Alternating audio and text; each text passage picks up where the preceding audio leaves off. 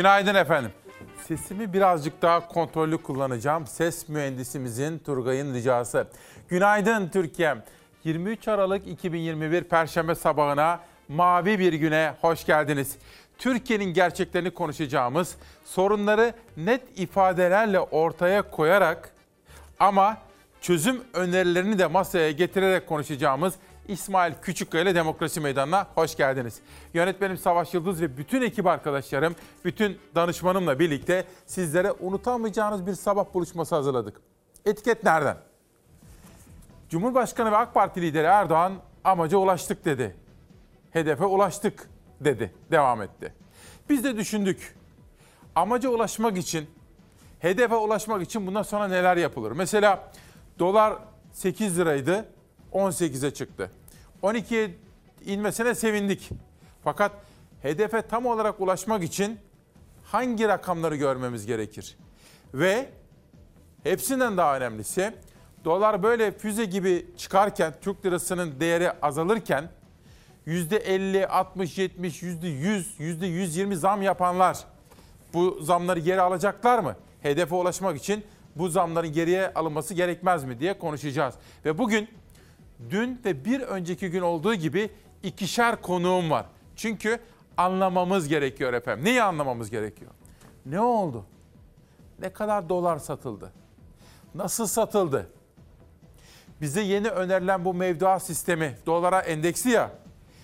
Nasıl olacak? Sistem nasıl işleyecek? Bu aradaki bedel, fark, yük kimin sırtına binecek?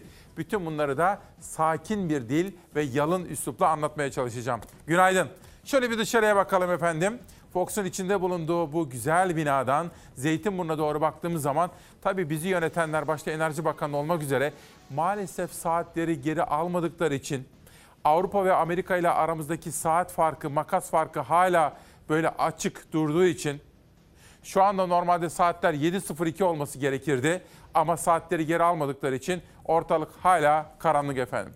Bunu da her fırsatta dile getireceğim. 9 yıldır bir sabah habercisi olarak görev yapan bir kardeşiniz adına. Günaydın. Hava durumu. Abi yavaş yavaş. Fren eyvah eyvah. La ilahe illallah. Karla kaplanan köyler, buz pistine dönen yollar, kar yağışı birçok ilde hayatı olumsuz etkiledi. Zonguldak'ta Sivriler Köyü karla kaplandı. 75 yaşındaki tansiyon hastası kadın fenalaştı. 112 ekipleri karla kaplanan yola giremeyince köy muhtarı Şenol Taşkın kadını kurtarmak için kolları sıvadı. Sayın muhtarımız acil hasta peşinde. Muhtar Taşkın traktörün arkasına kurduğu mekanizmayla karları aşarak fenalaşan kadını ambulansa ulaştırdı.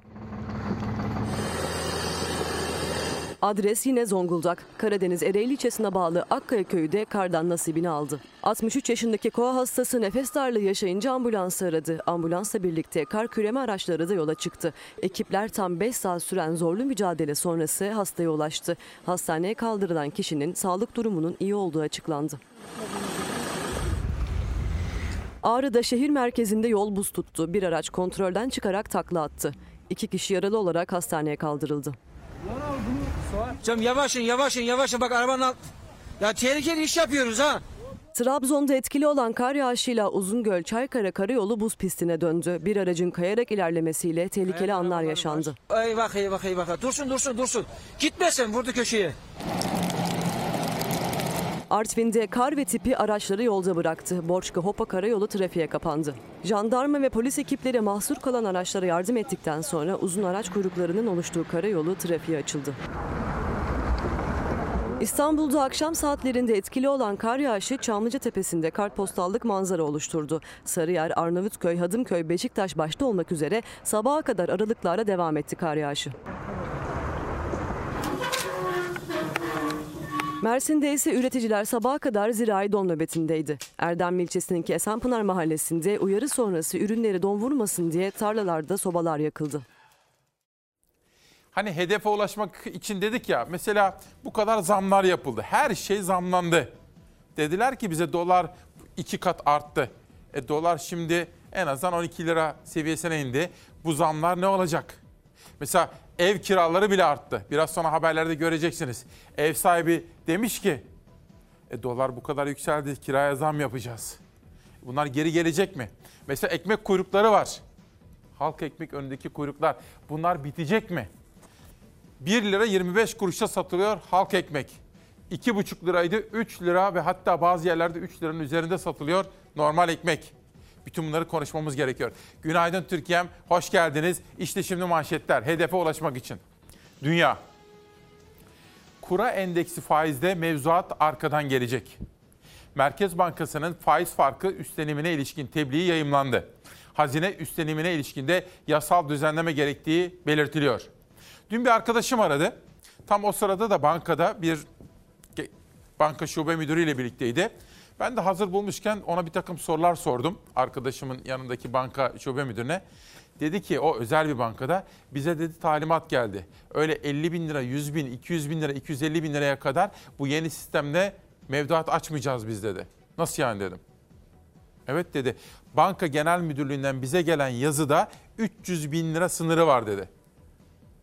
Yani dövize endeksi Türk lirası mevduat var ya hani biz şöyle örnek verdik. 100 bin liranız var yatırdınız 3 ay, 6 ay, 9 ay veya 12 ay faizi alacaksınız. O faizin ötesinde de kur farkı oluşursa size o farkı devlet ödeyecek dedik ya.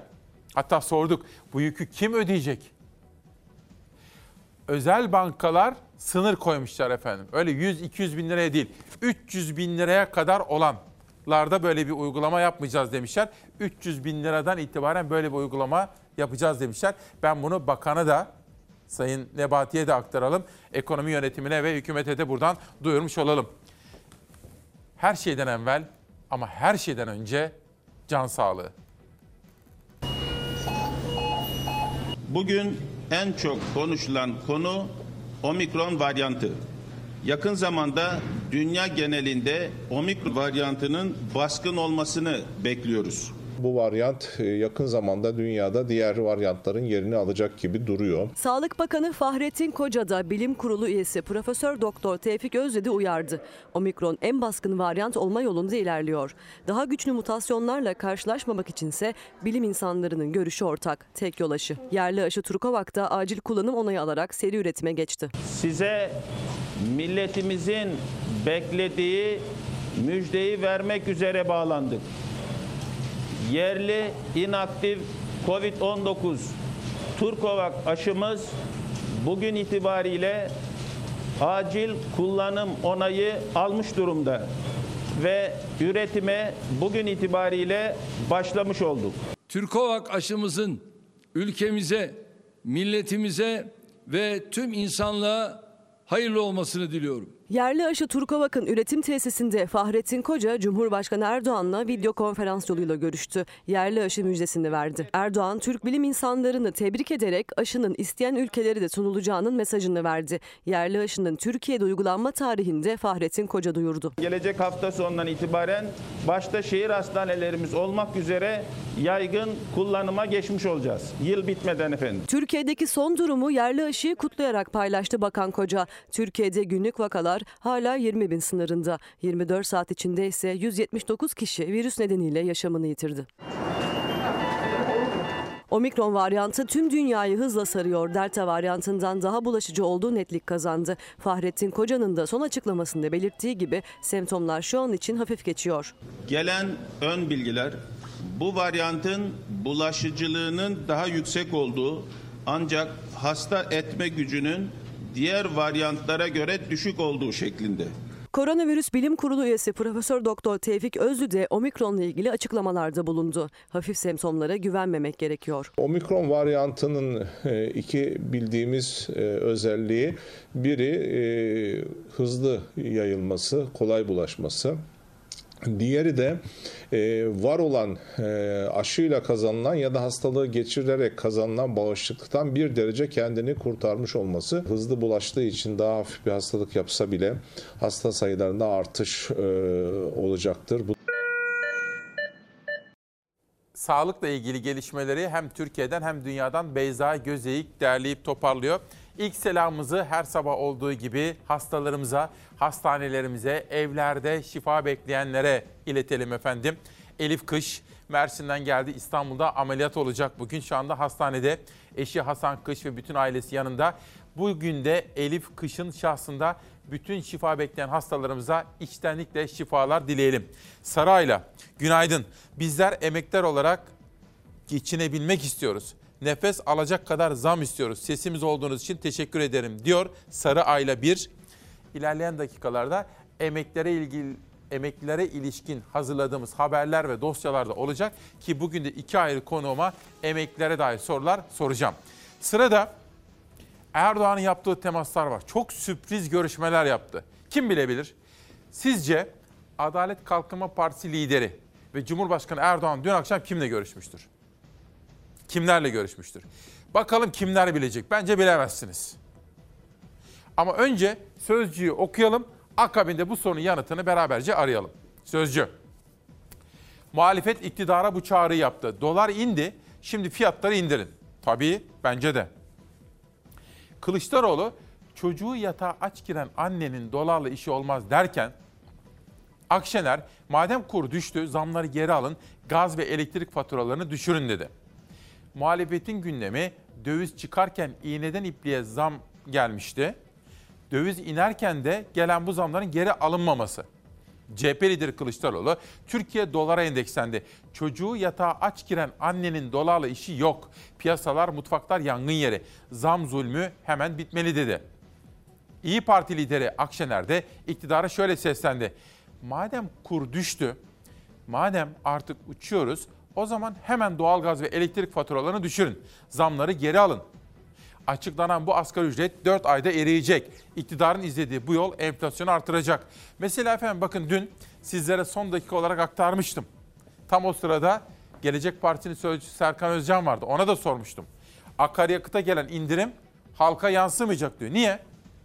E dolara zam gelirken, dolar artarken bizim paramız karşısında, bizim paramızın değeri azalırken e benzine sürekli zamlar geldi.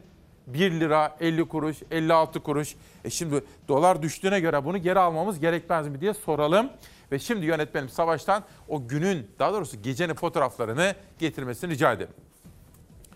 Şimdi şöyle bir baktığınız zaman önce görüşmenin sadece Fenerbahçe ilişkin olduğunu düşünebilirsiniz ama ben doğrusu sanmıyorum. Önce sanıyordum fakat baktık başka görüşmeler de var. Demek ki başka bir mesele var. Yani konu Fenerbahçe olmayabilir. Hatta büyük olasılıkla konu Fenerbahçe değil. İletişim Başkanlığı'nın paylaşımı Cumhurbaşkanımız Erdoğan, Fenerbahçe Spor Kulübü Başkanı Ali Koç'u Cumhurbaşkanlığı Külliyesi de kabul etti. Tabii Ali Koç'un başka şapkaları da var. Bir kere iş insanı, Koç Holding'in yöneticisi. Şimdi geliyor bir başka fotoğraf. Heh, bakın. O da aynı zamanda hem işte NTV'nin Star'ın patronu hem de büyük bir holdingin patronu Doğuş Holding'in.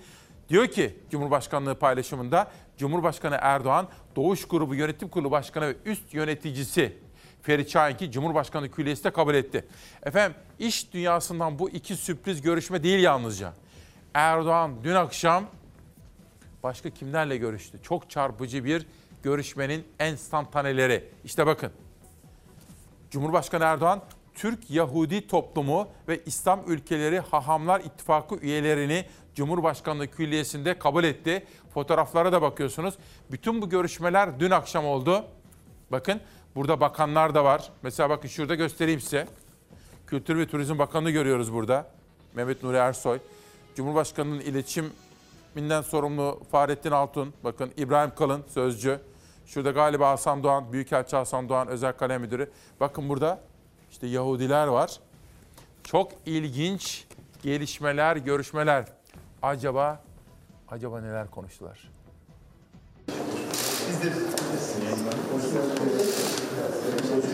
Türk Yahudi toplumunun kıymetli üyeleri, değerli misafirler. Sizleri en kalbi duygularımla selamlıyorum.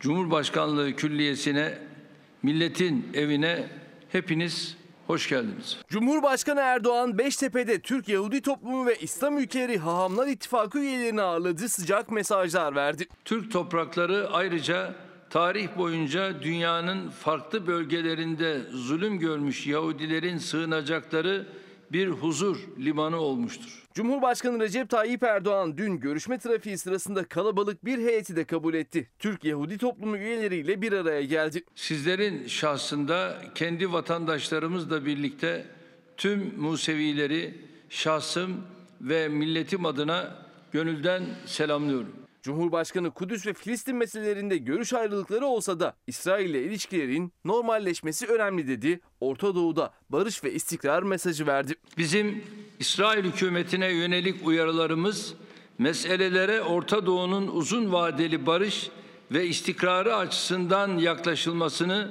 sağlamak içindir. Gerek İsrail Cumhurbaşkanı Sayın Herzog, gerekse Başbakan Sayın Bennett ile yeniden canlanan diyalogumuzu bu bakımdan önemsiyorum. Erdoğan'ın konuşmasında İsrail ile ilişkiler önemli bir yer tuttu. İsrail ile ekonomi, ticaret ve turizm alanındaki ilişkilerimiz kendi mecrasında ilerlemektedir. İsrail'in barış çabaları bağlamında samimi ve yapıcı bir tutum sergilemesi hiç kuşkusuz normalleşme sürecine katkıda bulunacaktır. Şimdi tabii çok ilginç değil mi bunlar? Şimdi Ali Koç'la görüşüyor, Ferit Şahik'le görüşüyor. Hadi o tamam içeriğiyle ilgili önemli. Fakat Yahudi cemaatiyle görüşüyor. İsrail'le ilgili temaslar.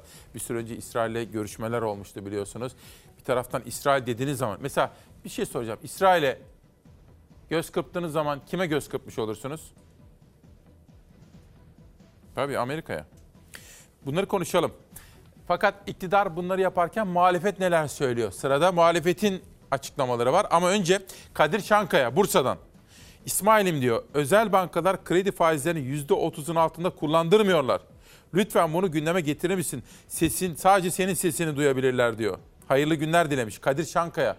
Bursa'dan yolladığı mesajda özel bankalar kredi faizlerini %30'un altında kullandırmıyormuş efendim. Pencere. 7 milyar dolarlık operasyon. Hükümetin Türk lirası hesaplarını dolara endeksleme kararının ardından kurlarda tarihi bir düşüş yaşandı. Hükümet çevrelerine göre bunun nedeni vatandaşların alınan karara gösterdikleri destekti. Ama veriler durumun tam da böyle olmadığını ortaya koydu.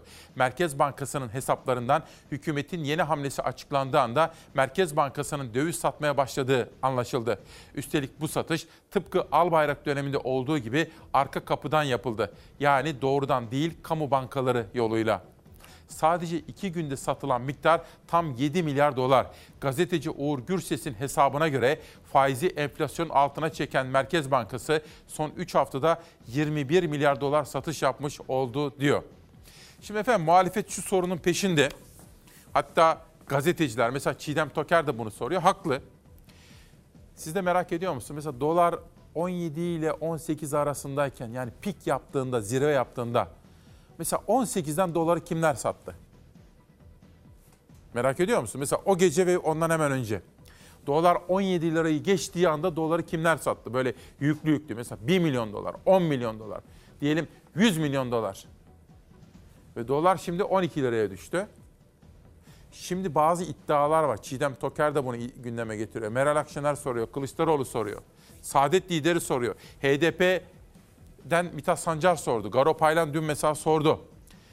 Şeffaf devlet. Şimdi sıradaki haber ana muhalefete ilişkin.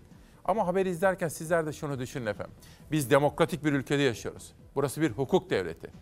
Demokrasi dediğiniz şey, hukuk devleti dediğiniz değerler manzumesidir. Yani şeffaflıktır. Yönetenler halka hesap vermek durumundadırlar. Nasıl hesap verecekler? Şeffaf. Diyecek ki benim yönettiğim ülkede Gizli saklı işler olmaz. Dolar 18 lira mı? Herkes satabilir. Ama kim sattı? Bilelim. Dolar 12 liraya mı düştü? 18 liradan satıp da 12 liradan alanlar, devasa gelir elde edenler. Bunları bilmek sizin hakkınız değil mi? Yollar yapıyorsun dolar garantili. Köprüler yapıyorsun dolar garantili. Geçiş ücretleri dolar garantili. Niye dolar garantisi kardeşim? Bir de diyorsun ben milliyetçiyim. Bu nasıl milliyetçilik ya? Amerikan dolarını resmi dolar, resmi para yaptın sen. Türk lirasını da pula döndürdün. Sonra ortalıkta geziyorsun. Ben yerliyim, ben milliyim. Bana bir tane Allah'ın kulu gösterir misiniz ya? Hem yerli hem milli olacak ama Amerikan doları geçerli para olacak. Yani Türk lirası? Hani Türkiye Cumhuriyet Merkez Bankası? Hani bu bankanın itibarı? Faize kur garantisi verilir mi ya? Faiz. Faize kur garantisi veriyorsun. Yani döviz garantisi veriyorsun. Yani Türk lirası. Diyor ki eğer dolar daha fazla yükselirse meraklanma diyor aradaki farkı ödeyeceğim diyor. Kimin cebinden ödeyeceksin? Kendi cebinden mi ödeyeceksin? Hayır. Kimin cebinden ödeyeceksin? Fakirin fukaranın cebinden ödeyeceksin. Böyle bir rezaleti Türkiye Cumhuriyeti tarihi görmemişti. Böyle bir rezaleti. Geldik çözemiyorlar, yönetemiyorlar. O nedenle diyoruz kardeşim yönetemiyorsun. Sorunu çözemiyorsun. Sorun yaşayanları dinlemiyorsun.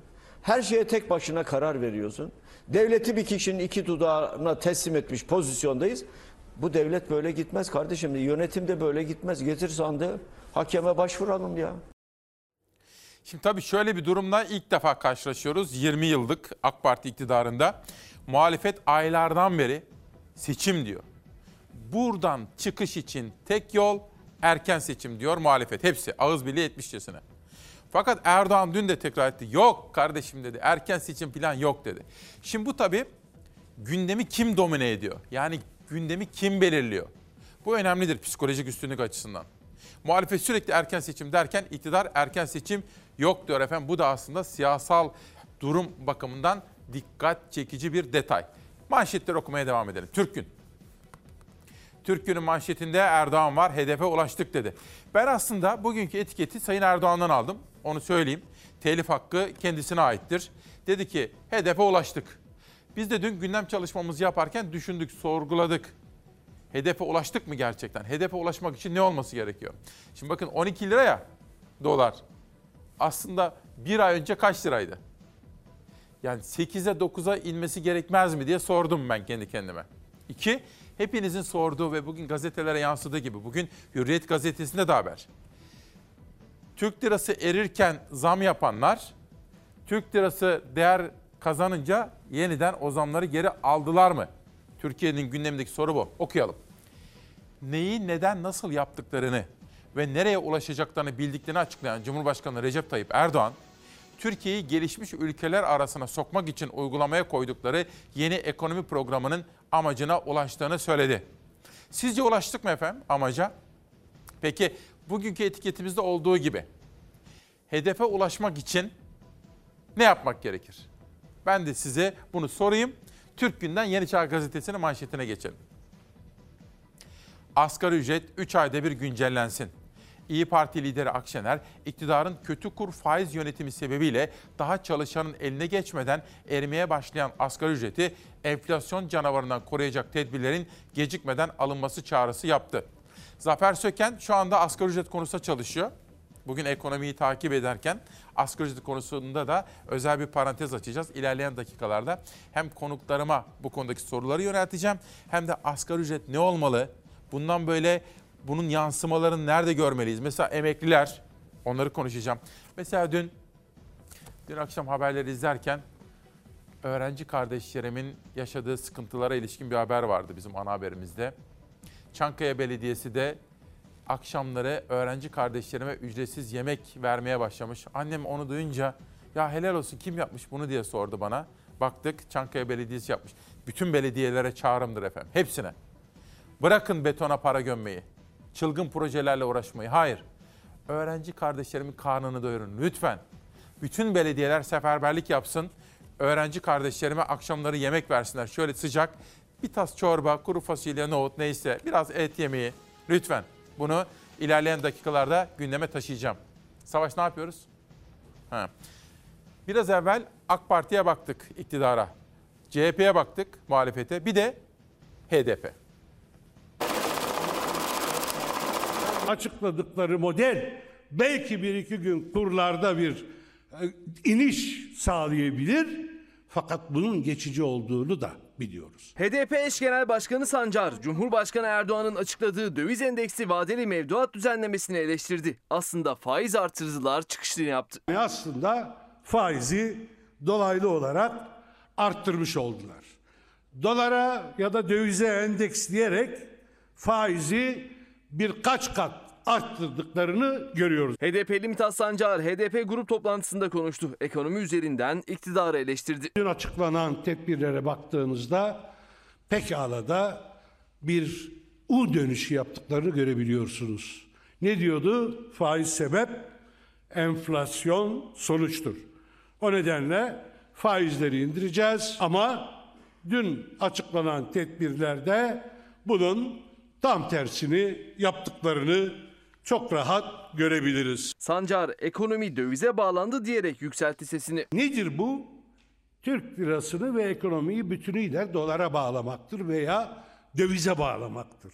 Hani bunlar yerli ve milli olduklarını iddia ediyorlar. Şimdi ekonomi bütünüyle yabancı paraya bağlanmış oldu. Mithat Sancar aradaki farkın Merkez Bankası tarafından ödenecek olmasına da itiraz etti. Para sahipleri doların her yükselişinde servetlerine servet, katacak, servet katacaklar. Peki bu kaynak nereden gelecek? Asıl mesele bu. Yani kurdaki artışların maliyetini, faturasını kim ödeyecek? Dövize bağlı. Artışları karşılamak için hazinenin kaynaklarını kullanacaklar. Şimdi birkaç mesaj okuyayım. Bakın bu mesajlar önemli. Belki saatlerce konuşmaktan daha değerli. Erdal diyor ki mesela Erdal 33 30 72 43 numaralı arkadaşım.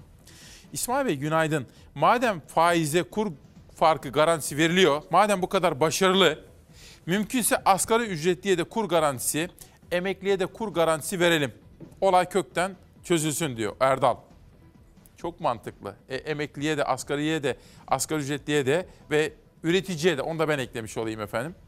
Mustafa da diyor ki, abi diyor zenginin malı züğürdün çenesini yorarmış. Kim bozdurduysa bozdurdu. Ya olur mu Mustafa? Öyle olur mu Mustafa'm? Senin paran o. Senin paran. Alev Gürsoy bir meslektaşım. Dolar düştü ama ben süte yine 45 lira verdim. Yani süt düşmedi, düşeceğini de sanmıyorum. İşte bu. Şimdi bakın kim söylüyordu onu? Mustafa. Benim güzel kardeşim. Ne güzel ismin var senin. Bak. Zenginin malı diye mesele değil. Diyelim hani bizim için değil o. 1 milyon doları var adamın. 10-100 milyon dolarlarla da ilgili hesap yapabilirim ama en azından tahayyül edebileceğimiz bir sınır olsun. 1 milyon doların var. Mustafa'm 1 milyon dolar. 18 liradan satarsan ki sattın mı? Sattın. Kimlerin sattığını bilmiyoruz. Sadece Bankalar Birliği Başkanı ne dedi? Şu anda Sayın Cumhurbaşkanımız konuşurken 1 milyar dolar sattılar dedi. 1 milyar dolar. Diyelim 1 milyon doları senin. Sen onu 18 liradan sattın. Ertesi gün kaça düştü? 12'ye. Gittin kaç dolar alıyorsun biliyor musun? 1.6 milyon dolar yani 1 milyon 630 bin dolar falan alıyorsun yaklaşık. Dünyanın hiçbir ülkesinde böyle bir kazanç olamaz. Yani hiçbir illegal işte bile böyle bir kazanç olamaz yani. Mafyalar bile böyle kazanamaz. O pis işleri yapanlar bile. Mustafa'm, güzel kardeşim. Bu senin paran. Zenginin malı züğürdün çenesini yorar değil Mustafa'm. Yeni Çağ ve Türk günden sonra Cumhuriyet'e geçelim. İşte Mustafa'ları aydınlatmak gerekiyor efendim. Mustafa'ları aydınlatmak gerekiyor. Bu güzel, bu ülkenin, bu güzel yurdumun saf insanlarını aydınlatmamız gerekiyor. Bizim görevimiz bu. Merkez Bankası'nın net rezervleri eksi 50 milyar dolar, kafalar karışık. Kuru koruyacak kaynak kalmadı. Kur korumalı Türk lirası vadeli mevduat sisteminin nasıl işleyeceği konusunda karmaşa yaşanıyor. Merkez Bankası'nın yayımladığı tebliğe göre dövizden çevrilen hesaplarda aradaki farkı Merkez Bankası karşılayacak. Rezervleri ekside olan Merkez Bankası'nın bu destek ödemelerini nasıl yapacağı merak konusu. CHP'nin raporuna göre Merkez Bankası'nın brüt rezervinde son 3 haftada 5,5 milyar dolarlık erime var. Rapora göre Merkez Bankası 1-17 Aralık arasında döviz kurlarına 5 ayrı müdahalede bulundu ve doğrudan 6.1 milyar dolar vadeli işlemlerle de 392 milyon dolarlık satış yaptı. Net rezerv eksi 50 milyar dolar oldu diyor. Sabah gündem çalışmamızı yaparken danışmanım göndermiş Nihal Kemaloğlu. Okudum, üzüldüm. Arkadaşlarıma söyledim, Zera'ya, editörüme ve işte Zafer de söze girdi. Bir çocuğumuza şiddet uygulamış bir öğretmen. Olamaz. Öğretmenlerim bunu yapmayın. Bakın ben her fırsatta öğretmenlerimden bahsederim. Bir tane öğretmenim Hiç bahsetmem ona. Böyle çelik mezro var ya mezro uzun. Böyle kafama vurdu. Asla o, o hocamla konuşmadım bir daha. Yani kendi içimde, iç dünyamda filan. Ama onun dışında Mustafa Demirçakan gibi, Bekir Sezen, Ahmet Dinçay, Ali Kayacan gibi, Şuayb hocamız gibi bütün hocalarımdan hep böyle saygıyla bahsettim. Şiddete başvurmayın. Arkadaşlar haber yapmak istemediler. İçlerinden gelmedi. Çünkü çocuğu sınıftan çıkarıyor ve dövüyor. Olamaz. Olacak şey değil. Bir öğretmene yakışır mı? Aynı zamanda aynı şekilde bakın o haberi yapmaya içimize el vermedi. Arkadaşlarım dedi ki yapmayalım abi. O görüntüleri sabah sabah kimseye izletmeyelim dedi. Aynı zamanda doktora, sağlıkçıya şiddet de maalesef önlenemiyor. Maalesef.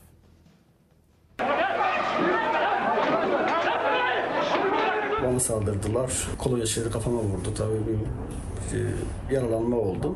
Doktora kolonya şişesiyle saldırdı, gözaltına alınıp serbest bırakıldı. Yanlış tabii e, belediye öne sürerek etkin bir şekilde bana geldiler. Ben gereken izahat yapmama rağmen tedavinin yanlış olduğunu ileri sürdüler. Sağlık çalışanına şiddetin adresi bu kez Mardin oldu. Kentteki özel bir hastaneye giden M.A. daha önce tedavi için getirdiği annesine yanlış ilaç verildiğini iddia etti. Muayeneyi yapan dahiliye uzmanı doktor Bayram Yıldız'la görüşmek istedi. Umarım başka bir meslektaşımın başına gelmez. Biz gene işimizin başındayız. Hastalarımızı tedavi etmeye devam edeceğiz. Başhekimle görüşen M.A. ardından doktorun odasına girdi. Doktorla tartışan hasta yakını iddiaya göre anneme yanlış tedavi uyguladın diyerek masanın üzerindeki kolonya şişesiyle doktorun başına vurdu. Saldırgan M.A. güvenlik görevlileri ve diğer çalışanlar tarafından dışarı çıkarıldı. Saldırıya uğrayan doktor Bayram Yıldız tedavi altına alındı. Şikayet üzerine gözaltına alınan saldırgan M.A. ifadesinin ardından tutuksuz yargılanmak üzere serbest bırakıldı. Bu tarz şeyler bizi yıldırmaz hiçbir zaman. Umarım kanuni yoldan gereken cezayı alır. doktorumuzun, sağlık çalışanımızın el üstünde tutulması gerekirken efendim bakın. Ve biraz önceki olayda da efendim o görüntüler dehşet sizlere göstermek istemedik. Bir ilkokul öğrencisi 5. sınıfta. Fakat o görüntülerde belki şunu gösterebilirim arkadaşlarım ayarlasınlar. Öğretmenin öğrencisine şiddet uyguladı. Sınıftan çıkarıyor ve dö- dövüyor çocuğu. İnsafsız.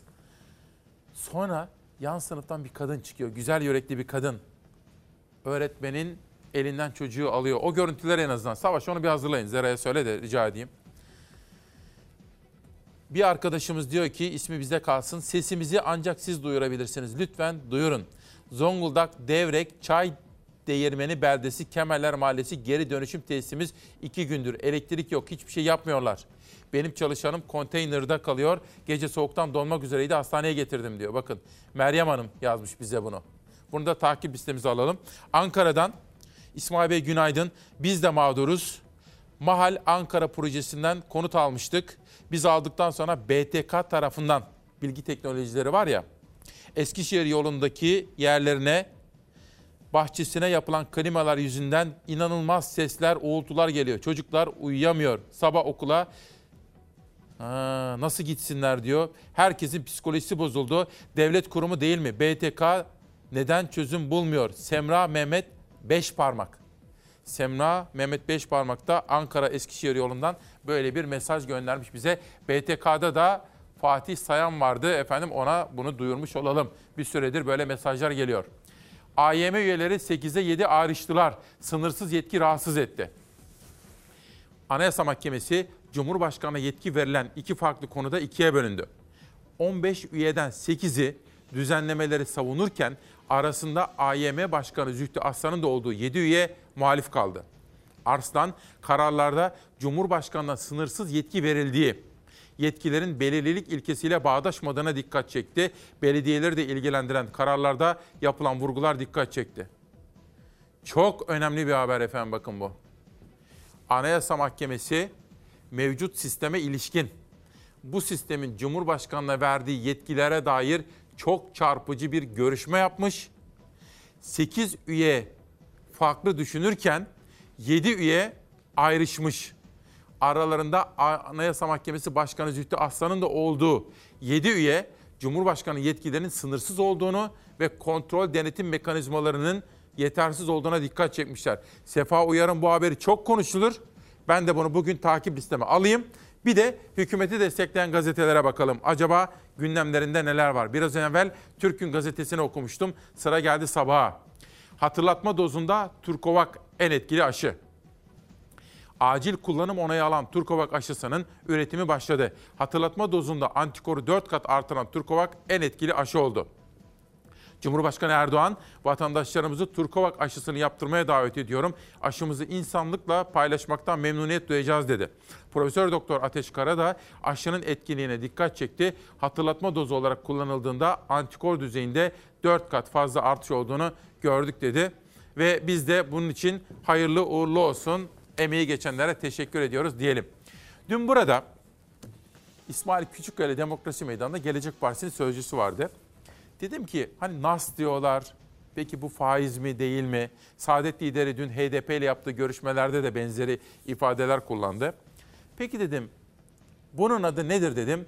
Serkan Özcan çok çarpıcı bir isimlendirme yaptı. Doları bir istasyon gibi koydular. Yine paradan para kazanan bir yönteme gittiler. Ben buna dolar ile vaftiz edilmiş faiz diyorum. Sizin kitabınızda ne düşük faiz ne de düşük enflasyon diye bir şey yok. Sizin tarihiniz yüksek faizlerle dolu. Nas gitti yerine helal faiz geldi. Faiz dememek için mevduat farkı diyorlar. Faiz sebep enflasyon sonuç teorisinde Cumhurbaşkanı'nın ayetleri işaret ederek faize karşıyım söyleminin de çöktüğünü dile getiriyor muhalefet. İnsanları kandırmaya gelince nas diyor. Faize karşıyım diyor. Varlıklı insanlara gelince dolarla ben sana faiz vereceğim merak etme diyor. Neymiş? Faizle mücadele ediyormuş. Mış gibi yapmak. Bu iktidarın artık mış gibi yapmak bir düstur haline geldi. Bir Müslüman olarak naslar neyi gerektiriyorsa onu yapmaya devam edeceğiz. Adını faiz koymayıp destekle isimlendirip fiilen paradan para kazanma imkanını insanlara vermek neyle izah edilebilir? Hani nas vardı? Faizin adını değiştirdiğiniz takdirde bunun hükmü değişmez. Kur korumalı sistemde Türk lirasını bankaya yatıran banka faizini alacak. Bir de döviz kuru artarsa kur farkında kazanacak. Muhalefet açık faiz artırımı diyor. Hem de ucu açık. 100 bin liraya 14 bin lirayı verdiğiniz zaman başka, kur artışı garanti edildiği zaman örtülü arka kapıdan bir faiz arttırımı. Ucu açık bir faiz arttırımı yaptık. Evet, Türk lirası mevduatı yatırıyorsunuz. Diyor ki devlet dolar bazlı olarak her değişimi ben taahhüt ediyorum geri ödeyeceğim. Peki bunun e, faizden farkı ne? Halkımızı ne faize ne enflasyona ezdirmeyeceğiz dedik ve bunun mücadelesini veriyoruz. Mücadele falan demeyin ya. Her faizle mücadele ediyorum dediğinizde daha fazla faizci oluyorsunuz. Çocuk mu kandırıyorsun Sayın Erdoğan? Allah akıl fikir versin.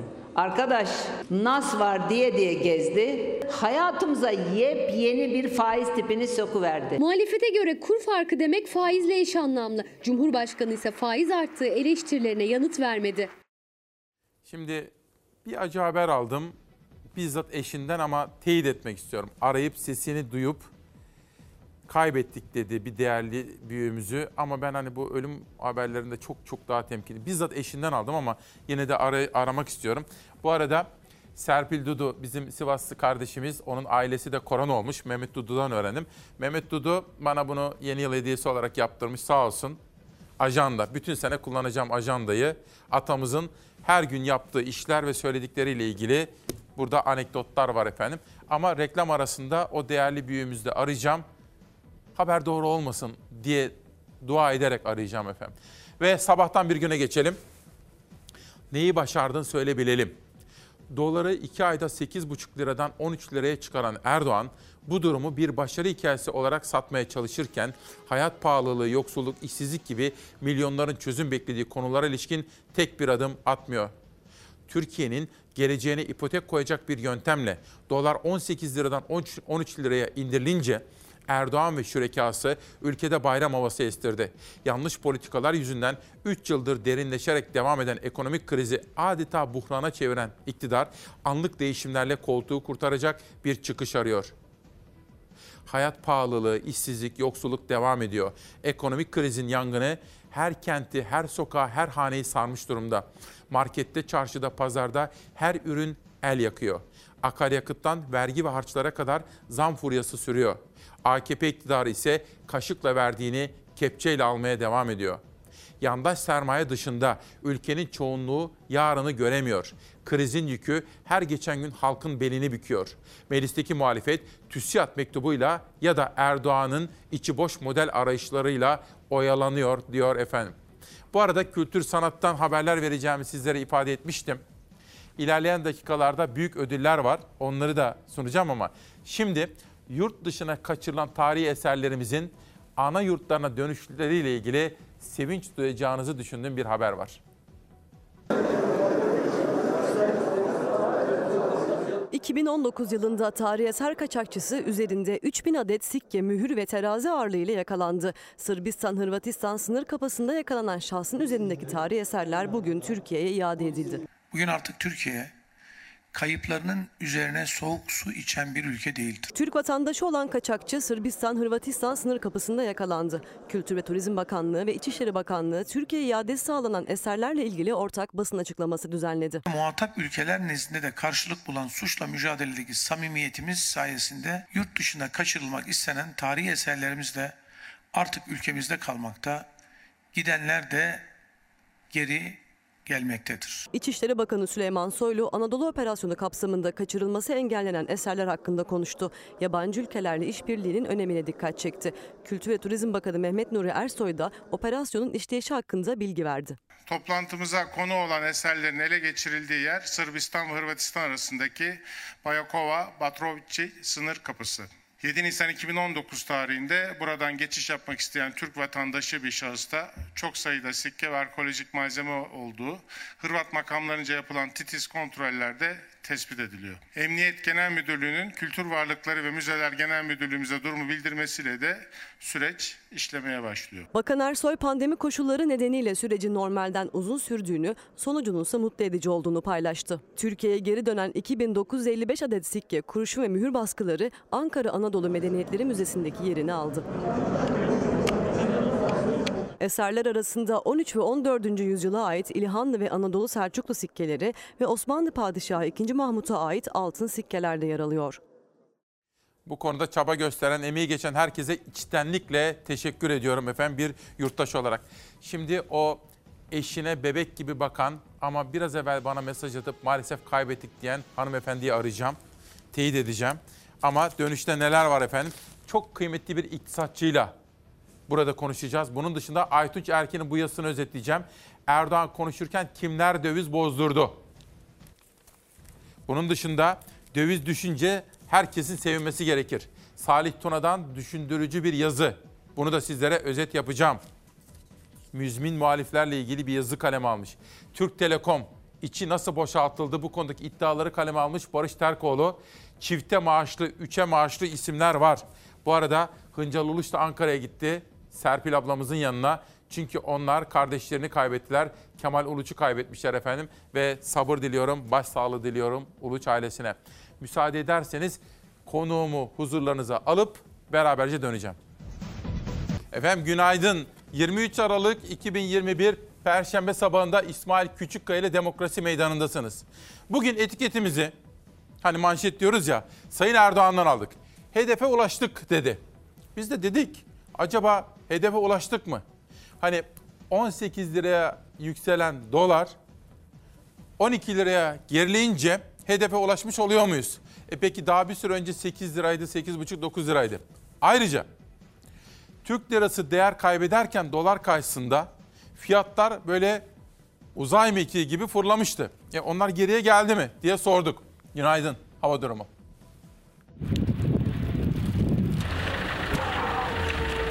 Yağışlar bugün Karadeniz kıyılarında ve yurdun en güneydoğusundaki illerde görülecek. Karadeniz'in kıyı şeridinde özellikle sabah saatlerinde hafif kar yağışı etkili olabilir. Yağış olan bölgelerde aralıklarla karla karışık yağmur görülebilir. Fırtına Karadeniz'in kıyı şeridinde zaman zaman olumsuzluklara neden olabilir. Bugün İstanbul'da da hava aralıklarla hafif yağışlı yağışların İstanbul'un kuzey ilçelerinde, Karadeniz'e kıyısı olan yerler ve yükseklerde özellikle öğle saatlerine kadar yine hafif kar şeklinde düşme ihtimali var. Beyaz örtü oluşma ihtimali düşük ama geçtiğimiz günlerde olduğu gibi havada uçuşan kar taneleri ara ara görünüp kaybolabilir. Marmara'nın doğusunda da benzer bir tablo var. Sakarya, Kocaeli, Yalova çevrelerinde gün içinde zaman zaman ince kar, zaman zaman da hafif karla karışık yağmur görülebilir. Bugün Karadeniz ve Marmara dışında yurdun kalan kesimlerinde yağış beklentisi yok. İç ve Anadolu başta olmak üzere yurt genelinde şiddetli buzlanma ve zirai don ihtimali var. Tedbirsizlik kazalara ya da mahsul kayıplarına neden olabilir.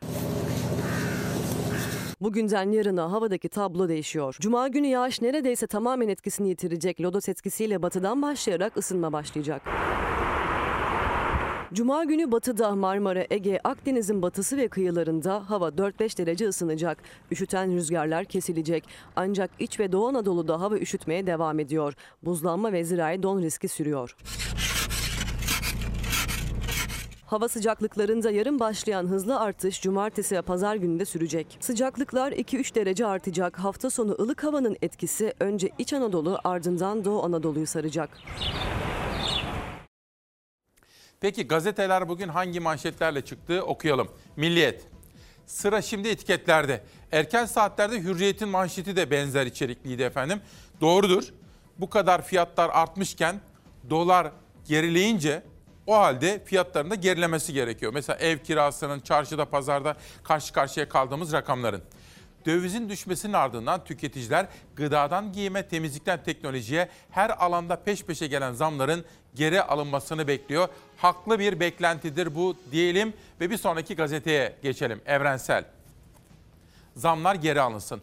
Döviz kurunun düşmesine rağmen temel tüketim mallarına yapılan zamlar yerinde kaldı. Hayat pahalılığı altında ezilen işçi ve emekçiler zamların geri alınmasını istiyor. Bir de muhalefete bakacağım ama yönetmenimden Savaş'tan rica edeyim. Gazeteleri şimdilik kaldıralım. Sabah sizlere aktarmıştım. Cumhurbaşkanı Erdoğan dün peş peşe bir takım önemli görüşmeler yaptı. Bir, Ali Koç. Fenerbahçe Başkanı ama bu görüşmenin o şapkasıyla ilgili olduğunu düşünmüyorum. İş insanı şapkasıyla görüştüğünü düşünüyorum. Cumhurbaşkanımız Erdoğan, Fenerbahçe Spor Kulübü Başkanı Ali Koç'u Cumhurbaşkanlığı Külliyesi'nde kabul etti diye yazdı. İletişim Başkanlığı. Ama sırf bununla sınırlı olsa ya Fenerbahçe konuşmuş olabilir, olabilirler derdim. Ama bakınca bir görüşme daha var. NTV ve Star'ın patronu, Doğuş Holding'in patronu Ferit Şahenk de Cumhurbaşkanı Erdoğan'la görüşme yapınca üstüne bu iki iş insanıyla yapılan temasların akabinde bir de Yahudi toplumuyla bir araya gelince Erdoğan işte bakın fotoğraflara erken saatlerde haberini sizlere sundum ama fotoğraflar son derece çarpıcı. Hemen yan taraftaki fotoğrafta da bakın. Cumhurbaşkanı'na bu taraftan en yakın kişi Kültür ve Turizm Bakanı Mehmet Nuri Ersoy. Bakın ha böyle dursun. Hemen onun yanında Fahrettin Altun, hemen onun yanında İbrahim Kalın var. Cumhurbaşkanının hemen sağ tarafında da Yahudi toplumunun önde gelen isimleri var. Demek ki diyorum ben ekonomiyi konuştular. Peki iktidar bunları yaparken ana muhalefet ne yapıyordu? Doları 18 liraya kadar çıkardılar. Evet. Sonra birileri gitti. Milyon dolarlarını Türk lirasına çevirdi. Hükümet bu kararı aldı. Karar dolar düştü 13 liraya. Dünyanın parasıyla gitti. 13 liradan dolarını satın aldı. Taş attı kolu yorulmadı, alnı terlemedi. Oturduğu yerden milyon dolarları kazandı. Kim yaptı bunu? Yönetenler yaptı. Bunlar yaptılar. Evet. Siz bir kişiye, bir kişiye ya taş atıp kolu yorulmadı. Tarlada çalışmadı bu adam. Direksiyon başında çalışmadı. Benzin pompasını tutup da efendim gelen müşteriye akaryakıt satmadı bu adam. Bu adam çöp konteyneri nedir? Çöpünü götürüp dahi oraya atmadı. Bu adam oturduğu yerden milyon dolarları vurdu. Bununla ilgili bir araştırma önergesi vereceğiz meclise. Diyeceğiz ki bu 3-4 günde kim ne kadar dolar aldı, kim ne kadar dolar sattı. Bunu bir çıkarın kardeşim tablo. Bir görelim bakalım. Bu vurguncuları görmemiz lazım. Bunların kayıtları var devlette. Ama bakın siz de şahit olun. Adanalı kardeşlerim de şahit olsunlar. Bizim bu önergemize red oyu verecekler. Gerçeklerin ortaya çıkmasını istemiyorlar. Şimdi efendim sizlere sıklıkla bahsediyordum. Ayten Yavaşça hanımefendi uzun zamandır rahatsız olan Alaaddin hocamıza, Alaaddin Yavaşça hocamıza çok dikkatle, özenle bakıyordu ve onu yaşatmaya gayret ediyordu. Fakat biraz evvel bir mesaj aldım kendisinden. Hocamızı kaybettik dedi Ben bu acı haberi sizlerle paylaşmak istemedim hemen. Önce teyit etmek istedim. Başka kanallardan da teyit ettim. Ve Ayten Hanım'ı da aradım. Ve bu acı haberi Türk müzik dünyasıyla ve halkımızla paylaşmak istiyorum. Kıymetli bestekarımız Alaaddin Yavaşçı'yı bu sabah itibariyle kaybettik efendim. Sevenlerinin başı sağ olsun. Kendisine de Allah'tan rahmet dileklerinde bulunmak istiyorum. Takip edeceğim ve bundan sonra onu eserleriyle yaşatmaya gayret edeceğiz. Günaydın. 23 Aralık 2021 Perşembe sabahında İsmail Küçükkaya Demokrasi Meydanı'nda kıymetli bir ekonomist, bir iktisatçı, bir hocamız var. Profesör Doktor Erinç Yeldan. Hocam hoş geldiniz. Çok teşekkür ederim. İsmail. Günaydın, nasılsınız? Hepimiz iyiyiz. Bir şey sorabilir miyim? Şimdi siz benim gözümde böyle Nobel İktisat Ödülü alacak kadar kıymetli bir insansınız. Biz tabii sizin hakkınızı ödeyebiliyor muyuz? O ayrı. O tartışmalara şimdi girecek değilim de. Şimdi mesela derste bütün bu olup bitenleri öğrencilere sorsanız mesela 20 yıl geçmiş olsa siz üniversite amfisinde karşınızda öğrenciler olsa nasıl yorumlardınız? Yani bu olup bitenleri hangi iktisat teorisiyle nasıl anlatırdınız? Ee, Sayın Küçükaya şimdi e, bir hatalar zinciri yepyeni bir yanlışla e, tekrar derinleştiriliyor. E, bu çok ilginç. E, Türkiye spekülasyona karşı mücadele ediyor e, izlenimi altında. Daha da çok spekülasyon, e, daha da çok büyük belirsizlik, büyük bir kargaşa yaratıyor ve e, aslında e, iktisadi bir kavram olan spekülasyon giderek artık siyasallaştırıldı ve içselleştirildi. Şimdi 20 sene dediniz, e, 20 sene öncesi aslında bizler yaşadık. 2000 IMF destekli de, enflasyonu döviz kuru çapasına dayanarak düşürme üzerine bir program yapılmıştı. Kurgu hatalarıyla doluydu. Sermaye hareketleri serbest. Bankaların yurt dışından getirdikleri döviz üzerine hiçbir denetim, hiçbir e, sorgu sual yok.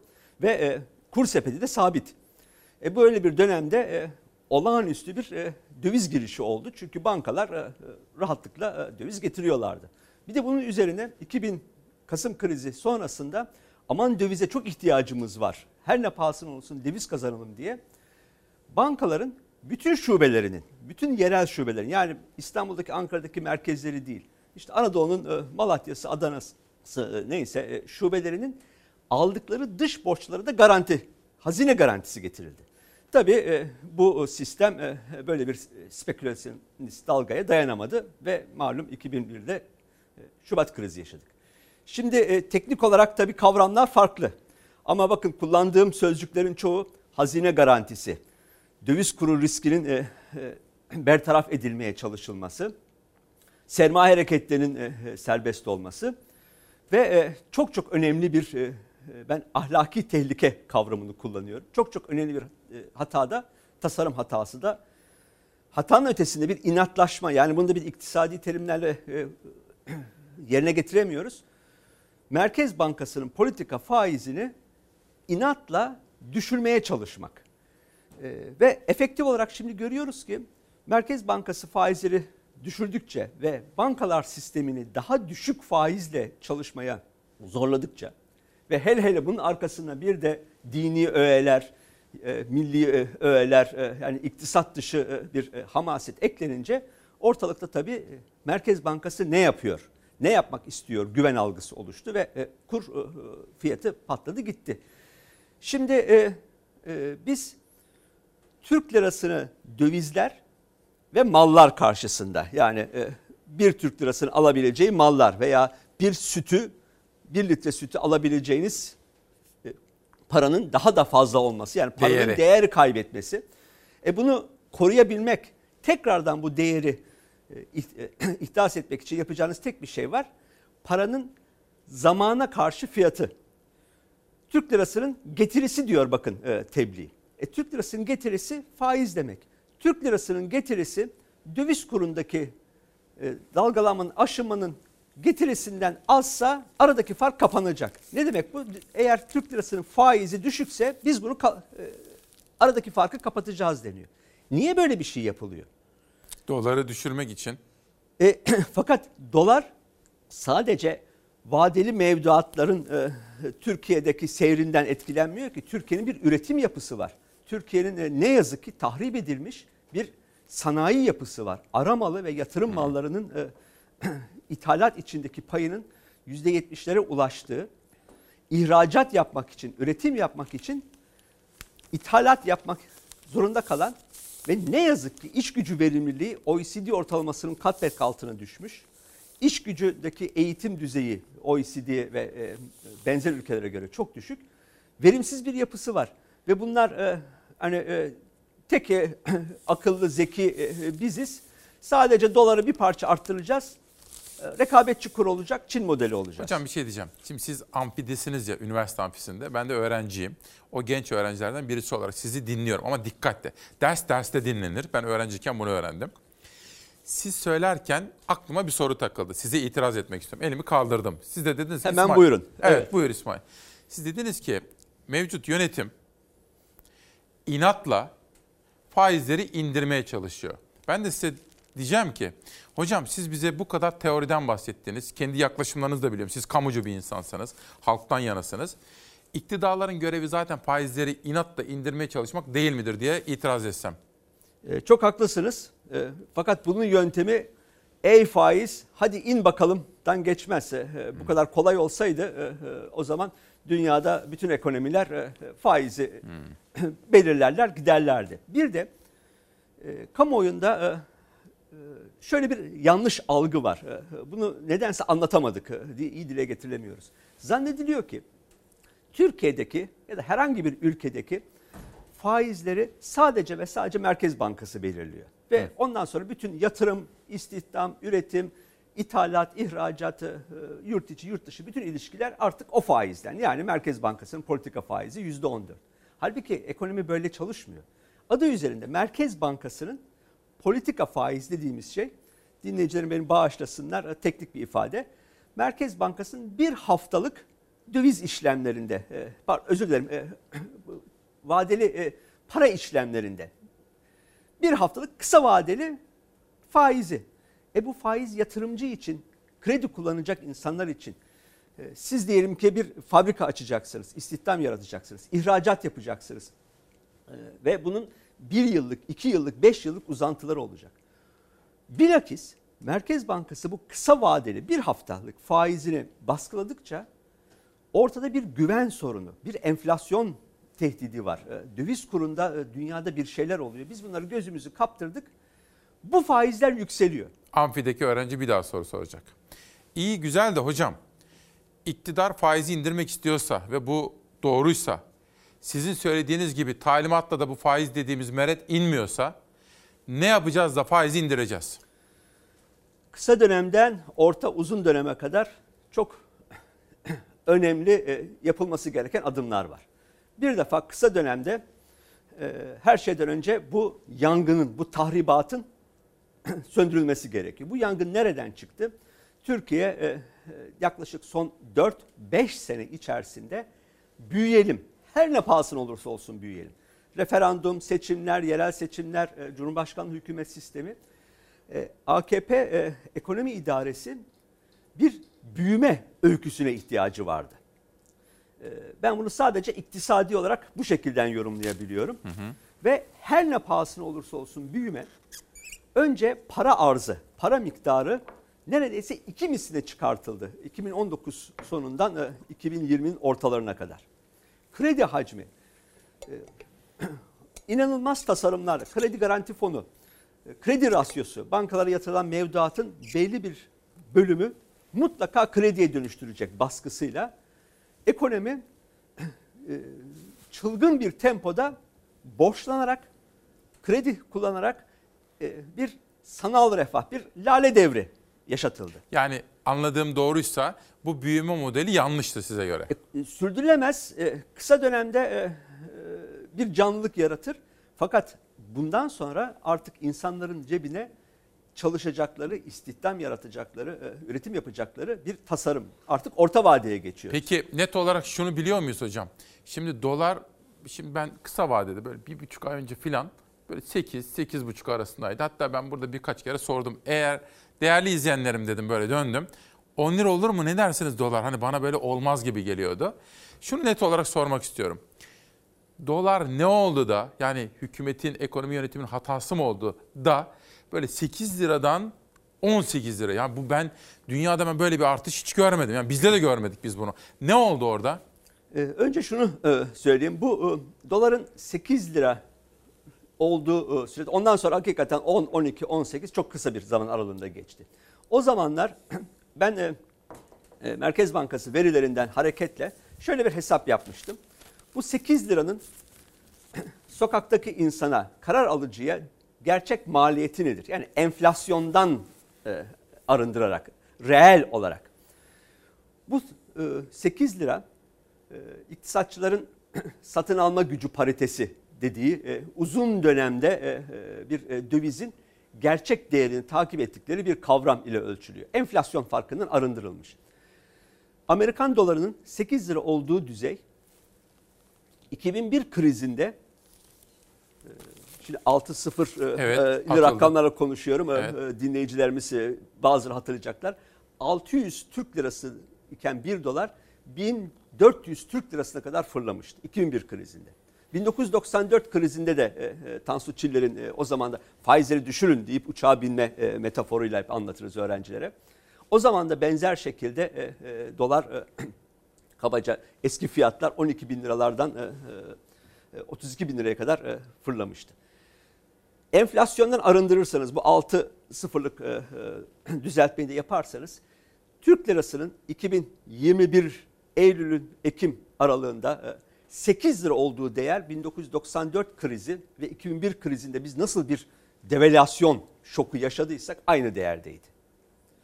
Ve ben de aynı sizin gibi e, bana e, soran e, dostlara, arkadaşlara hocam ne yapalım?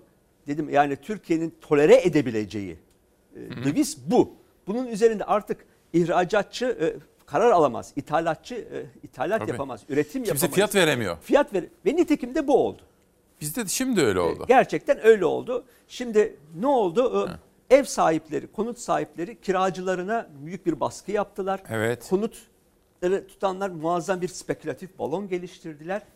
E çünkü konuşmamızın başında dediğim gibi spekülasyonla mücadele ederken muazzam bir spekülatif dürtü e, e, yarattınız. Her şey belirsiz.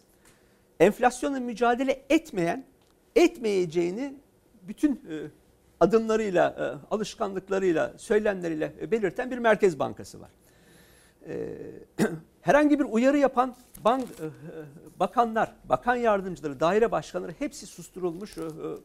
Hiç kimse görüşünü açıklayamıyor, bir eleştiri, bir çözüm önerisi getiremiyor. E böyle bir oradan Zaten hocam ortamda- eleştirdiğiniz zaman dün Sayın Erdoğan da dedi. Sözde iktisatçılar, sözde gazeteciler falan diye. Ya şimdi aslında bi- bi- biraz eleştiriye açık olmamız gerekiyor. Dinlememiz çünkü söz konusu olan sadece sizin ülkeniz değil ki bu ülke hepimizin.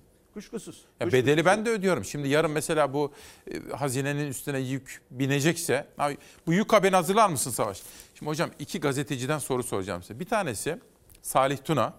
Şimdi o müzmin muhalifler diye bir kavramdan bahsediyor. İsimler de veriyor. Ben isim vermeyeceğim. Bazılarının diyor dolar işte bu kadar düşünce hani üzülmediklerini, bilakis sevindiklerini falan söylüyor. Hani ben hani üzerime alınmıyorum. Ben gerçekten dolar, Türk lirası değerli olsun isterim. Ve Türk lirası değer kazanınca sevindim de. Ama tabii arka planını anlamam gerekiyor. Yani bu geçici mi, kalıcı mı, bunun faturası, yükü nereden diye. Bir diğeri de Aytun Çerkin. Mesela şunu biliyor musunuz diye soracağım. Çiğdem Toker de bunu soruyor. Sözcü'de bugün Aytun Çerkin diyor ki Erdoğan konuşurken kimler döviz bozdurdu? Şimdi o gün Habertürk'te Bankalar Birliği Başkanı konuşuyordu. Kübra Par'ın konuğuydu. Sayın Cumhurbaşkanımız konuşurken dedi 1 nokta küsür milyar dolar bozduruldu dedi o anda. Şimdi hocam şimdi sabah Mustafa isimli saf bir arkadaşım vardı. Arkadaşım değil de bir izleyelim. Dedi ki İsmail dedi zenginin malı züğürdün çenesini yorar dedi. Bize ne dedi 1.8'den bozdurduysa ben de Mustafa'm dedim güzel Mustafa'm.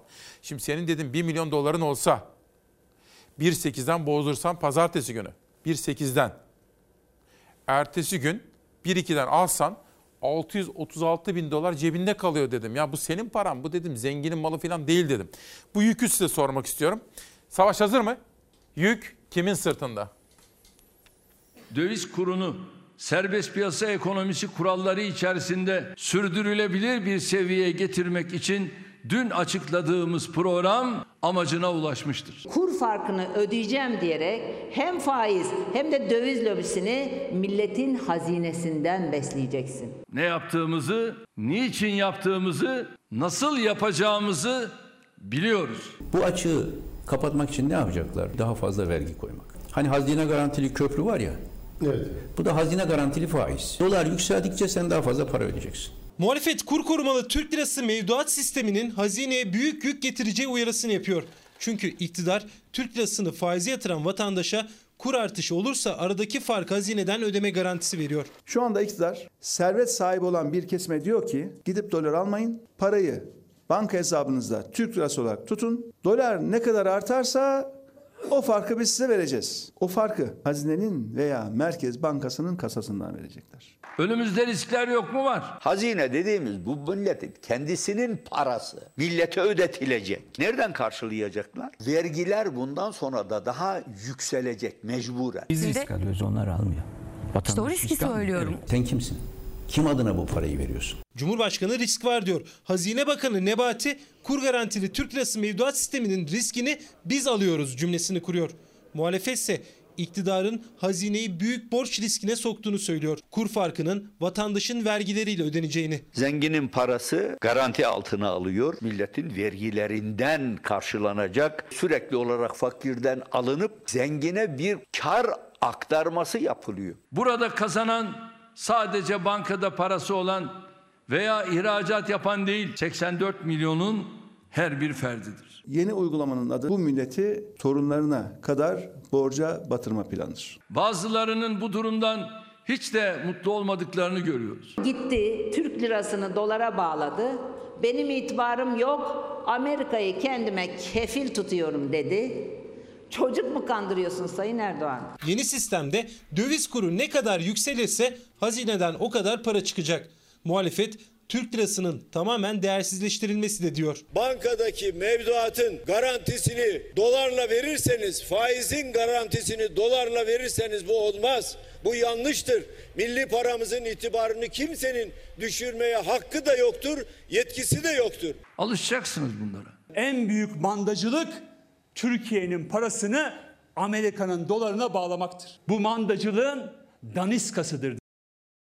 Profesör Doktor Erinç Yaldan hocamıza soralım. Hocam şimdi bir yeni enstrümanla geldiler. Aslında yeni olmadığını da söyledi. Ta rahmetli Özal zamanında da bu çok tartışılmış. Özal kızmış gelecek nesiller ders alsın bunu yapmasınlar filan.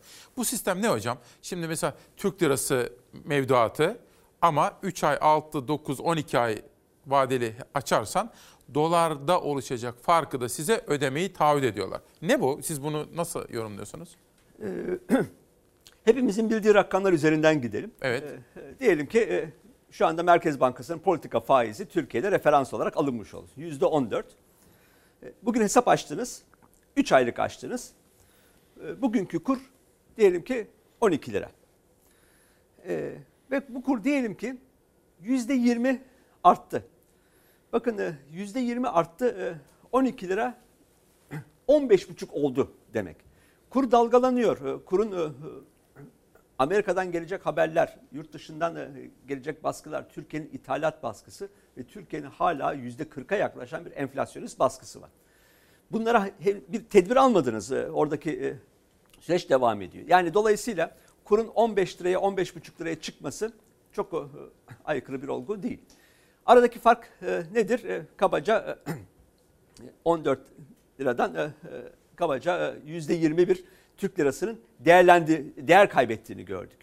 Bu %20 değer kaybı hazine tarafından karşılanacak.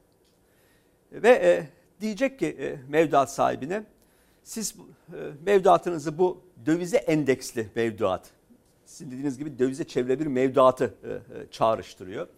E, Özü itibarıyla e, çok farklı değil ama teknik olarak kuşkusuz e, Aha. e, farklı temada çalışıyor. Şimdi bu %20'lik e, kaybı, risk ki hazine üstleniyor. Ve e, şu anda ben mesela rakamlara bakıyorum. Türkiye'de mevcut 3 aylıktan daha yüksek uzun vadeye e, e, yayılmış olan e, mevduatların miktarı 76 milyar Türk lirası. E, Bütün mevduatların %8'i aslında. e, bu mevduatların e, böyle bir e, döviz çözülmesine, böyle bir e, şey dönüşmesi bir defa beklenemez. Yani hakikaten 18 liradan 12 liraya düşürecek bir e, kurgu için bu mevduatlar yeterli değil. O zaman ne diyor e, Sayın Cumhurbaşkanı e, ve beklenti? Yastık altında neredeyse 200 milyar dolar var deniyor. E bunun yarısının diyelim ki geldiğini düşünün. Bunun yarısı 100 milyar dolar, %20'lik bir e, e, tasarımda gerçekten 20 milyar dolar yapar. 20 milyar doları 15 liradan çevirin size yaklaşık e, 50 milyar 60 milyar Türk lirası bir yük yapar. Yani beklentiler hakikaten o 200 milyar doların yastık altından Türkiye'ye gelmesi ise bunun maliyeti e, 60-70 milyar Türk liralık bir hazineye yük demek. Bu 60 milyarı müsaade ederseniz bu 60 milyar nedir biliyor musunuz? Türkiye'nin 2020'den bugüne kadar e, kabaca 2 sene biriktirdiği toplam net yeni dış borç artı bu 60 milyar dolar, 60 milyar Türk lirası artı iç borçlanma diye hazine ortaya çıkıyor fakat iç borçlanmayı da dövize endeksli yap, yapıyor. Hmm. Son iki senede 100 milyar Türk lirası da dövize endeksli. Yani son iki sene içinde Türkiye 170 milyar Türk lirası yük. Dış borç net veya dövize endeksli net iç borç. Bütün borçlanmamızın yarısı. Ama hocam şimdi şu da olabilir. Şimdi mesela hükümet bunu yaptı. Ne yaptı? Ee, dövize dövize endeksli diyelim biz ona. Dövize endeksli mevduat enstrümanı getirdi. Dolar yani Türk lirası hiç değer kaybetmezse bu sürede 3 ay, 6 ay, 9 ay, 12 ay o zaman hesaplar tutar ama. Ee, Türk lirası değer kaybetmez ise ise e, yani e, bunun tutar mı hesap bunu o zaman? Kristal kürede nasıl görüyorsunuz? Ha, öngörülemez diyorsunuz e, bu. Öngörülemez yani. Çünkü FED faiz artıracak. E, başka piyasalarda üretim yapısı, olabilir. Hmm. E, üretim yapısı e, ve e, enflasyonun bu denli yüksek oluşu, enflasyonla da tırnak içerisinde bir e, sanki klişe e, her para politikası metninden sonra sıkı para politikası uyguluyoruz ve faizi düşürüyoruz. Böyle bir e, Alice Harikalar Diyarı'ndaki gibi her şey tersten çalışıyor. Böyle bir ortamda e, dövizin konjöktürel olarak Heh.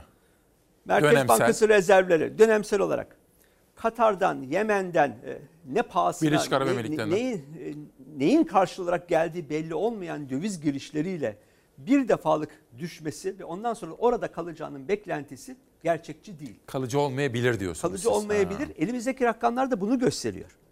Size bir rakam daha vermeye müsaade edin. Hani kim deniyor ya e, BDDK'dan aldım dün itibariyle güncel rakamlar.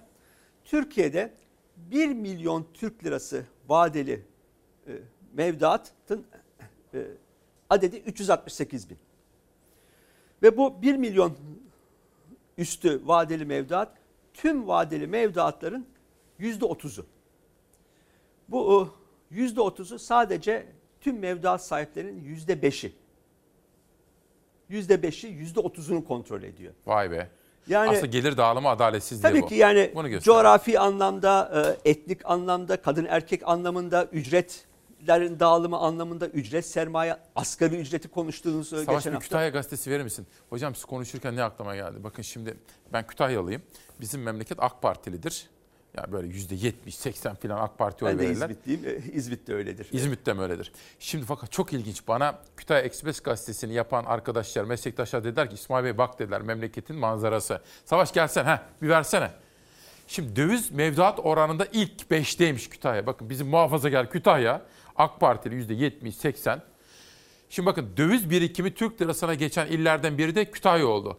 Kütahya toplam tasarruf mevduatı hacmi içinde %63 olan döviz birikimiyle dolarizasyonda Türkiye'de 5. sırada yer aldı. Ya bizim Kütahyalılar gitmişler dolar, dolara, ya bütün Türkiye böyle de aslında.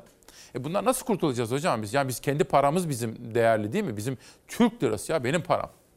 Ee, öyle olması lazım fakat öyle olması için sizin Türk lirasını gerçekten değerli kılacak, istikrarlı kılacak her şeyden önce e, e, adımları atmanız bu politikaları izlemeniz gerekiyor. Yani e, hazine e, iç borçlanmasının yarısını dövizle yapıyor. Bütün e, programlarınızda tartıştınız. Yap işlet Evet, devlet evet. modelleri, e, Köprüler, garantiler. Bunların fiyatları dolar üzerinden devlet bunu e, e, organize ediyor. Devlet en büyük spekülatör olarak e, çalışıyor. Fakat dönüyor daha sonra bize e, Türk lirasına güvenin diyor. Fakat Türk lirasına güven için e, e, uygulanan bütün adımlar tersine çalışıyor.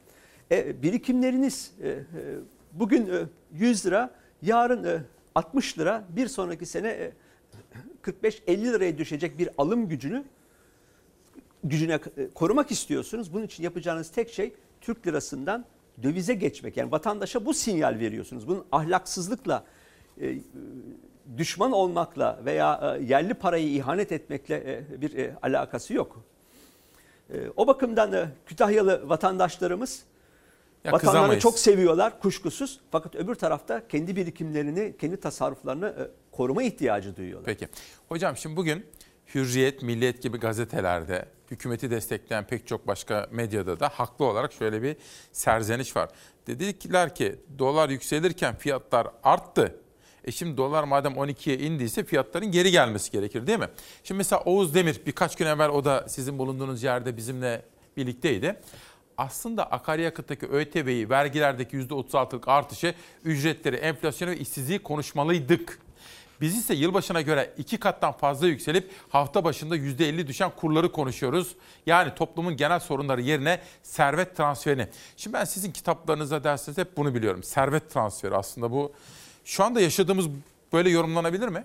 E, kuşkusuz e, ben e, yakın çevremdeki e, komşularıma soruyorum ne kadar dolar bozdurdunuz diye. Herkes gülerek hocam e, doları biz nerede gördük E, böyle bir birikimimiz yok.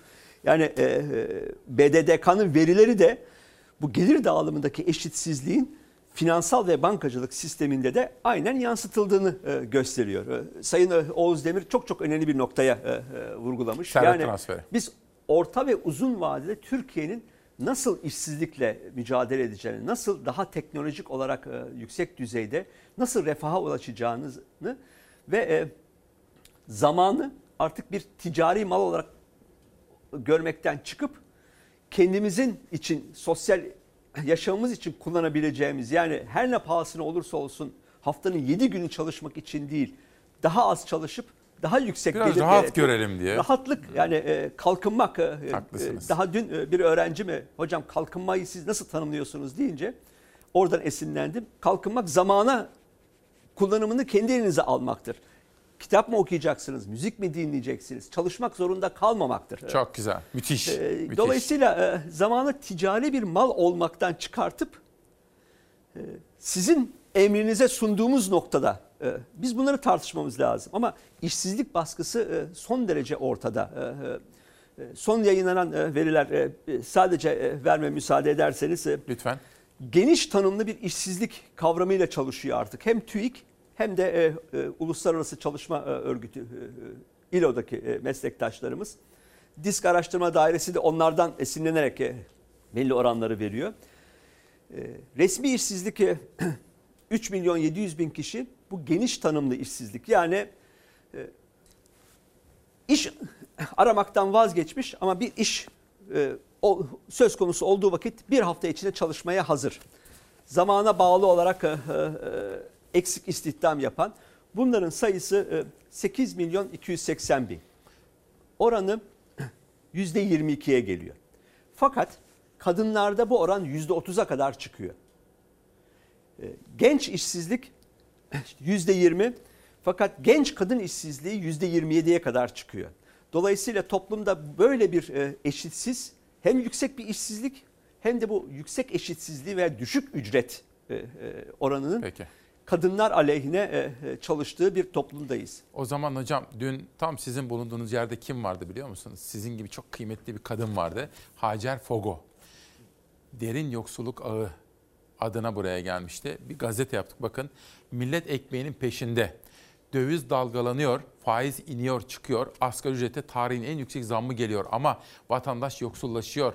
Bu durum karşısında hem hükümet hem muhalefet yeni projeler üreterek çıkıyor halkın karşısına. Hacer Fogo'nun tweetini savaş bir büyütelim. Bakın.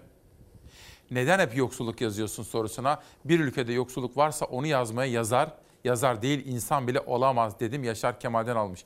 Hocam ben de size sorayım. Önce bir hatırlatma yapayım. Sizle ilgili sizi ilk defa izleyenler de var burada. Siz bir Boğaziçi'lisiniz değil mi? Ee, Evet Boğaziçi Üniversitesi mezunuyum. Ve Boğaziçi'nin böyle gurur hanesinde yazılan bir isimsiniz. Sizi böyle e, orada gurur hanelerinde her zaman taşımamız gerektiği bilgisi. Şimdi Kadir Has'ta mısınız? Kadir Has Üniversitesi'nde ekonomi bölümünde Dersler e, veriyorsunuz. Öğretim üyesiyim. Ne Evet. kadar şanslı öğrenciler. Sağ olun. E, kitaplarınız da var. Kitaplarınızdan da faydalanmaya çalışıyoruz. Son olarak hocam yoksulluk konusuna değinelim. Biz bu yoksulluk sarmalından nasıl çıkacağız?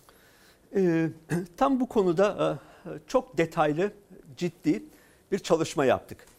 Ee, Benim öğrencilerime e, e, verdiğim e, e, derslerde e, e, altını çizdiğim çok önemli bir husus var. Mesela orta vadeli program yapıyoruz. Evet.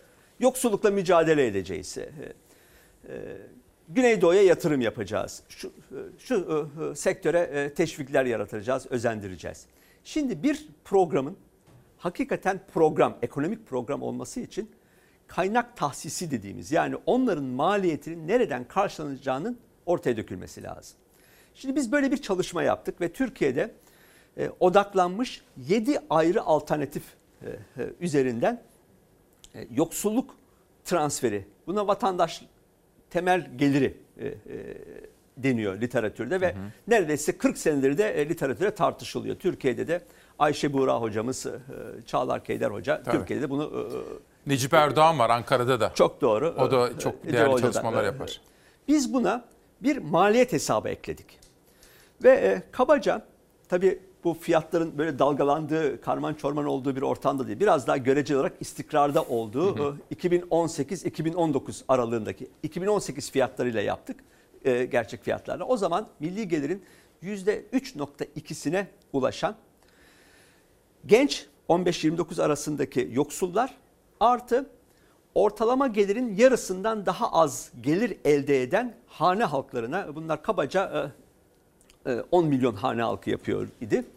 E, O zamanın asgari ücretinin %60'ı kadar her ay kişi başına vatandaşlık temel geliri hazineden e, devlet bütçesinden karşılanacak.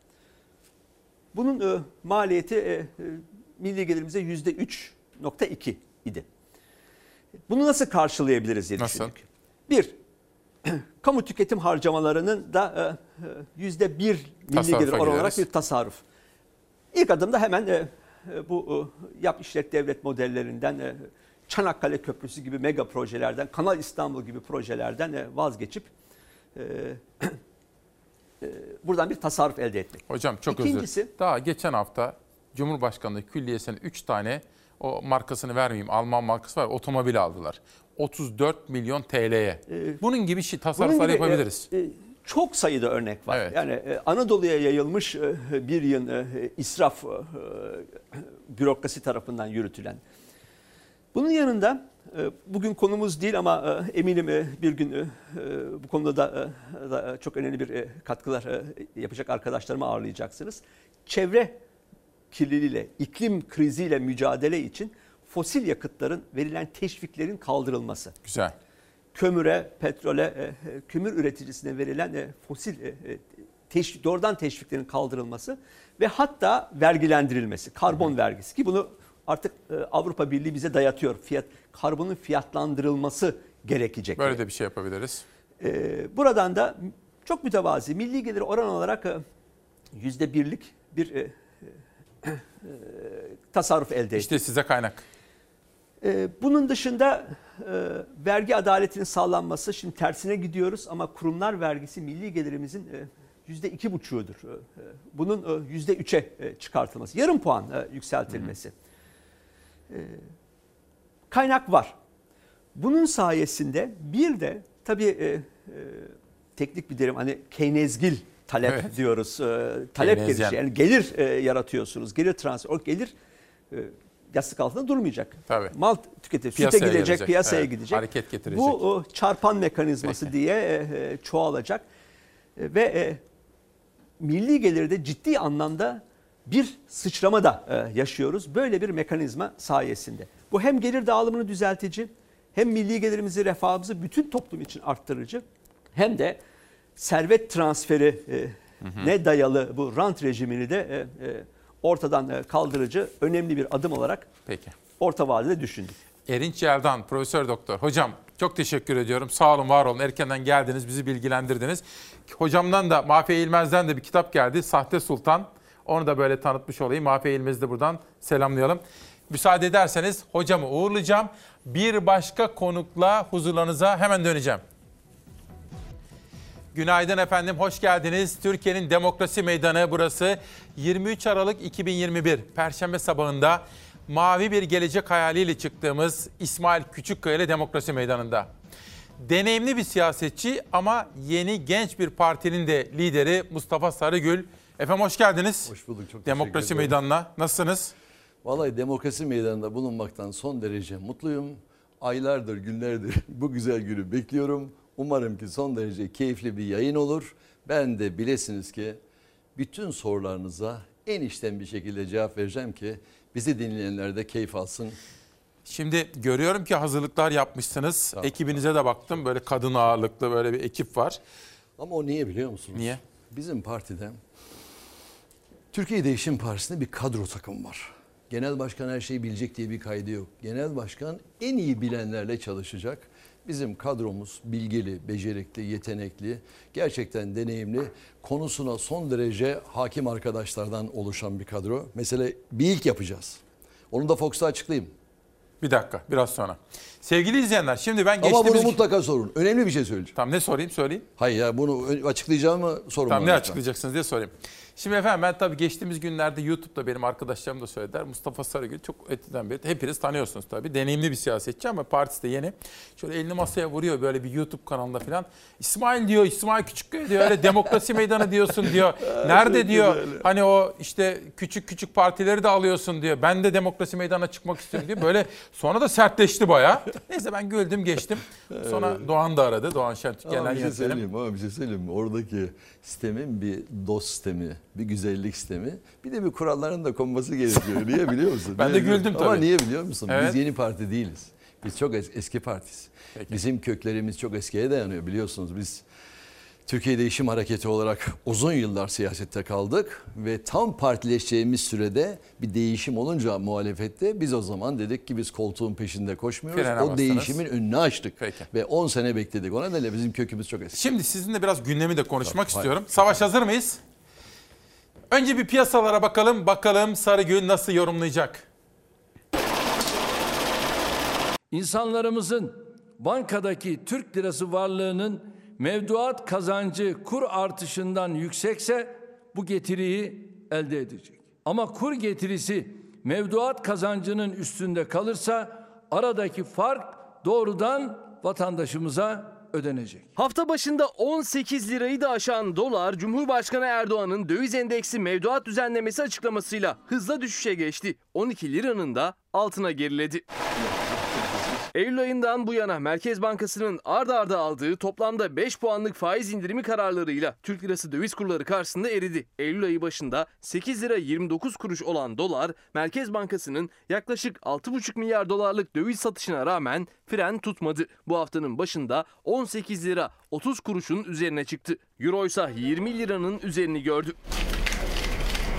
Kurdaki dalgalanmanın yol açtığı belirsizlik ülkemizin gerçek görünümünü yansıtmıyor. Gözler döviz kuruna çevrilmişken pazartesi günü kabine toplantısı sonrası Cumhurbaşkanı Erdoğan kur korumalı Türk lirası mevduat düzenlemesinin uygulanacağını açıkladı. Muhalefete göre bu üstü örtülü faiz artışı demek. Üstelik bu kazanç stopaj vergisinden de muaf tutulacak. Bundan sonra hiçbir vatandaşımızın kur daha yüksek olacak diye mevduatını Türk lirasından dövize geçirmesine ihtiyaç kalmayacak. Erdoğan'ın açıklamayı yaptığı sırada dolar 18 lira 21 kuruştan, euro ise 20 lira 56 kuruştan işlem görüyordu. Açıklamayla birlikte döviz kurlarında geri adımlar geldi. Lira saatler içinde %40'a varan değer kazancı yaşadı. 11 lira 9 kuruşa kadar geriledi dolar. Ülkemizde bir kesimin hala döviz kurundan kazanç elde etme peşinde koştuğunu üzüntüyle takip ediyoruz. Perşembe günü sabah saat 9 itibariyle dolar 11 lira 85 kuruştan, euro ise 13 lira 38 kuruştan işlem görüyor. Altın fiyatları da dolardaki seyre paralel bir seyir izliyor. Hafta başında 1000 liraya dayanan gram altın 688 liraya, 1500 liraya aşan çeyrek altınsa 1134 liraya alıcı buluyor. Piyasalar böyle Zafer Söken takip etti. Peki Türkiye Değişim Partisi lideri Sarıgül. Acaba bu piyasaları dolar 18'di 12'ye düştü. Yeni bir mevduat enstrümanı var. Nasıl yorumluyorsunuz? Bir kere çok üzgünüm. Gerçekten bu konular üzerinde çok çalışıyoruz ve çok kafa yoruyoruz. Çok basit bir soru. Ya bu tedbirler alınıyordu da 7 liradan 18 liraya çıkarken bu tedbirler niye alınmadı? Güzel soru. Peki Güzel bu soru bu. tedbirler alındı, aşağı düştü. Benim kuyrukta ekmek bekleyen o bir babacığım var babacığım. Diyor ki hakkımı diyor size helal etmiyorum diyor. O babacığım diyor ki beni o kim biliyor musun? O senin babam ve benim babam. Diyor ki hakkımı size helal etmiyorum diyor. O baba hakkını helal etmiyorsa bizim görevimiz siyasi olarak o babayı o ekmek kuyruğunda bekletmemek ve hakkının helallığını almak. Bir başka şey şu. Peki düştü de büyük market zincirleri niye bu kadar fiyatları düşürmediler? Bu da önemli. Dolar arttıkları zaman fiyatlar yükseliyor da niye şu anda ekmeğin fiyatını, buğdayın fiyatını, sütün fiyatını, etin fiyatını düşürmediler? Sayın Küçükkaya ben geçen Doğru. Ankara'dayım. Özellikle markete gittim. Alışveriş yapmak için gittim. Orta ölçekli bir market. Ya dedim ki bir et alayım dedim. Kı- kıyma kaç para biliyor musun? Kıyma 90. Ankara'da hayır, hayır. 50, 55 lira. Hayır, hayır. 90 lira. 90 lira. Kıyma, kıyma, Kıyma, konuşuyorum. ha, ben kıyma konuşuyorum. da- Kı- Kıyma konuşuyorum. Bir, bir pirzolo, bir pirzolo. Tarttım 12 parça et var. 180 lira. 180 lira konuşuyorum. Ve böyle bir ortamda, böyle bir ortamda siz dövizi aşağı indirdiniz. Çok önemli bir şey, güzel bir şey. Kardeşim niye çıkardın? Hayır, çıkaran iktidar kim? İndiren iktidar kim? Peki devam edelim, devam edelim. O gece acaba bu dövizle dolarda ne oluyor biliyor musunuz? Ne oluyor biliyor musunuz? Sadece, bozdurdu? Sadece, sadece kim bozdurdu? Önemli bir soru. Ve siz bir şey söyleyeyim. Demokrasi ve hukukun üstünlüğünü sağlayamazsanız doların ne kadar aşağı indirin yukarı indirin. Bu işten etkilenen kim biliyor musunuz? 350 bin kişiyle 400 bin kişi en fazla bu işle ilgileniyor. Kim bunlar yani, O ne gece demek? bunlar kim? Bunlar kim? Bunların kim olduğunu anlamak için şeffaf bir yönetim gerekiyor. Hazinenin bunları açıklaması lazım. O paraları kim bozdurdu, kim aldı? Bunları lütfen açıklamalar lazım. Ve öyle bir noktadayız ki peki esnafımız bundan bir şey kazandı mı? Tüccarımız bundan bir şey kazandı mı? Emeklimiz bundan bir şey kazandı mı? Engellimiz bundan bir şey kazandı mı? 3600 ek gösterge ekleyen bundan bir şey kazandı mı? Hele hele bakın size ben bir şey söyleyeyim. Özellikle emniyet mensuplarımız, emniyetin içerisinde şu anda ciddi bir huzursuzluk olduğunu duyuyorum. İntiharların olduğunu duyuyorum. Sosyal bunalımların Allah korusun olduğunu duyuyorum ve son derece üzülüyorum. O nedenle Türkiye'nin problemi geliri hakça ve adilce tabana yaymanız lazım. Geliri hakça ve adilce tabana yaymazsanız bu sorunların hiçbirini önleyemeyiz. Ve Türkiye'nin petrolü yok diyorlar. Türkiye'nin petrolü var. Türkiye'nin en büyük petrolü inanın ki tarım, tarım ve hayvancılık. Bir ülkenin Sayın Küçükkaya öne çıkanları vardır. O öne çıkanlarını aldığınız zaman Türkiye'yi şahlandırırsınız. Türkiye'nin öne çıkan ne biliyor musunuz? Tarım. Hollanda'ya gittim. Arkadaşlara baktırdım. Arkadaşlar gitti Hollanda'da inceleme yaptı. Hollanda ilk önce bunu da bu arada Türkiye'de gündeme getiren parti Türkiye Değişim Partisi. Hollanda'nın yüz ölçümü Konya kadar. Enteresan bir yer. Ama bakıyorsunuz ki Hollanda tarımda 210 milyar euro ihracat yapmış. Çünkü tarımda sanayileşmiş. Evet, evet ve Hollanda'nın ve Hollanda'nın toplam ihracatı Konya kadar yüz ölçümü olan bir yerde toplam ihracatı 710 milyar euro konuşuyoruz. Tarımdaki ihracatı 210 milyar euro konuşuyoruz. Geçen gün Kayseri'de tarım fuarını gezdim. Tarım fuarlarınızı gezmenizi isterim. Tarım fuarlarını Ben gezmenizi gidiyorum. isterim. Gidiyoruz. Mersin'de o Bravo, konuşuyorum. Adana'da işte Trabzon'a gidiyorum her yerde. Bravo. Çok önemli. Türkiye'nin tarımı konuşması Ben, lazım Sayın Başkan. ben bir şey söyleyeyim mi? Ben o gün mesela bir eksiğimi gördüm. Keşke daha fazla gitseydim. Orada ben tarım ekipmanlarını gördüm. Baktım o biçer döverlerin etrafındaki yan ekipmanlar. Kaç para dedim bu? Dediler ki 35 bin TL ama bu yani 4 ay önceyi konuşuyorum. Hemen arkadaşlarıma dedim ki dünyada araştırın bakalım. Avrupa'da bunu yapan kim? Avrupa'da baktım ki bir İtalyan firması yapıyor. Aynı şey, aynı şartlar 35 bin euro konuşuyoruz. Demek ki bizim ülke markalaşsa biz o tüccarımızın ürününü Avrupa ile buluşturmuş olsak nasıl bir ihracat yapacağız? Haddi hesabı yok. Çünkü Avrupa'da işçilik pahalı, Avrupa'da e, e, üretim daha pahalı. Biz onu daha ucuza yapabiliriz. Bir de bir şey söyleyeyim. Mesela Türkiye Değişim Partisi iktidarında bütün bu konuları çözmenin yeri markalaşmadır. Türkiye'de üst üste 100 tane firmayı koyalım. Bir Starbucks'ın değeri kadar olmuyor. O nedenle bir ülkenin markalaşması lazım. Bir ülke markala... Ulusal çapta Evet, değil, uluslararası çapta da. Markalaşmamız lazım. Sayın Başkan şimdi ben sizin ekibinizdekileri de görünce işte Monika Hanım'a sordum. Dedim ki Sarıgül'e ne sorayım?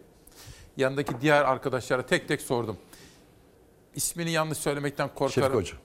Bir tanesi de dedi ki öğretmenleri sor Şefik dedi. Hoca, Şefik Çünkü Hoca. siz öğretmensiniz. Evet, Öğrencileri soracağım. Şimdi dün akşam ben annemle birlikte, annem yeni yıl için bende de bir süredir bende duruyor. Haberi izliyor bir taraftan. Ben tabii dikkatle izliyorum. O böyle bir durdu böyle. Ay canım dedi bir etkilendi. Çocuklar aç bizim üniversite öğrencilerimiz. Son bunu kim yapmış İsmail dedi. Baktık haberde vardı. Çankaya Belediye Başkanı. Ki zaman zaman da Alper, eleştiririm Alper ama güzel. Alper Taşdelen. Güzel. Çocuklara aklıma siz geldi. Siz de geçmişte böyle çok şeyler yapardınız. Savaş hazır mı haber? Öğrencilerin derdini duyalım, duyuralım. Yurt masrafım 1500. Ayda bir 500 lira falan diş hekimliği malzemelerimiz tutuyor. Pide aldım. Ama o da yani 8 lira. Akşama kadar bununla duracağım. 600 lira civarı bir para alıyorum. 275 lira zaten yurt. E, 60 lira abonman. Yettiği kadar ya bazı aç yattığım günler oluyor yani yalan yok. Param olmadığı için yemiyorum. Arkadaşım dışarıda yemek yiyelim dedi. Ben şey dedim belediyenin yemeğinde yiyelim. Bedava veriliyor. Dışarıda en az 30 TL vermek zorundayız. Onda da doymuyoruz açıkçası. Henüz 20'li yaşları başlarında üniversite sıralarındalar. Gelecek hayalleri bir kenara yarının hesabını yapamıyorlar. Çankaya Belediyesi'nin ücretsiz sıcak bir öğün akşam yemeğiyle bütçelerini bir miktar korumaya çalışıyorlar. Şu an kuru fasulye, pilav, e, yanında çorba ve cacık.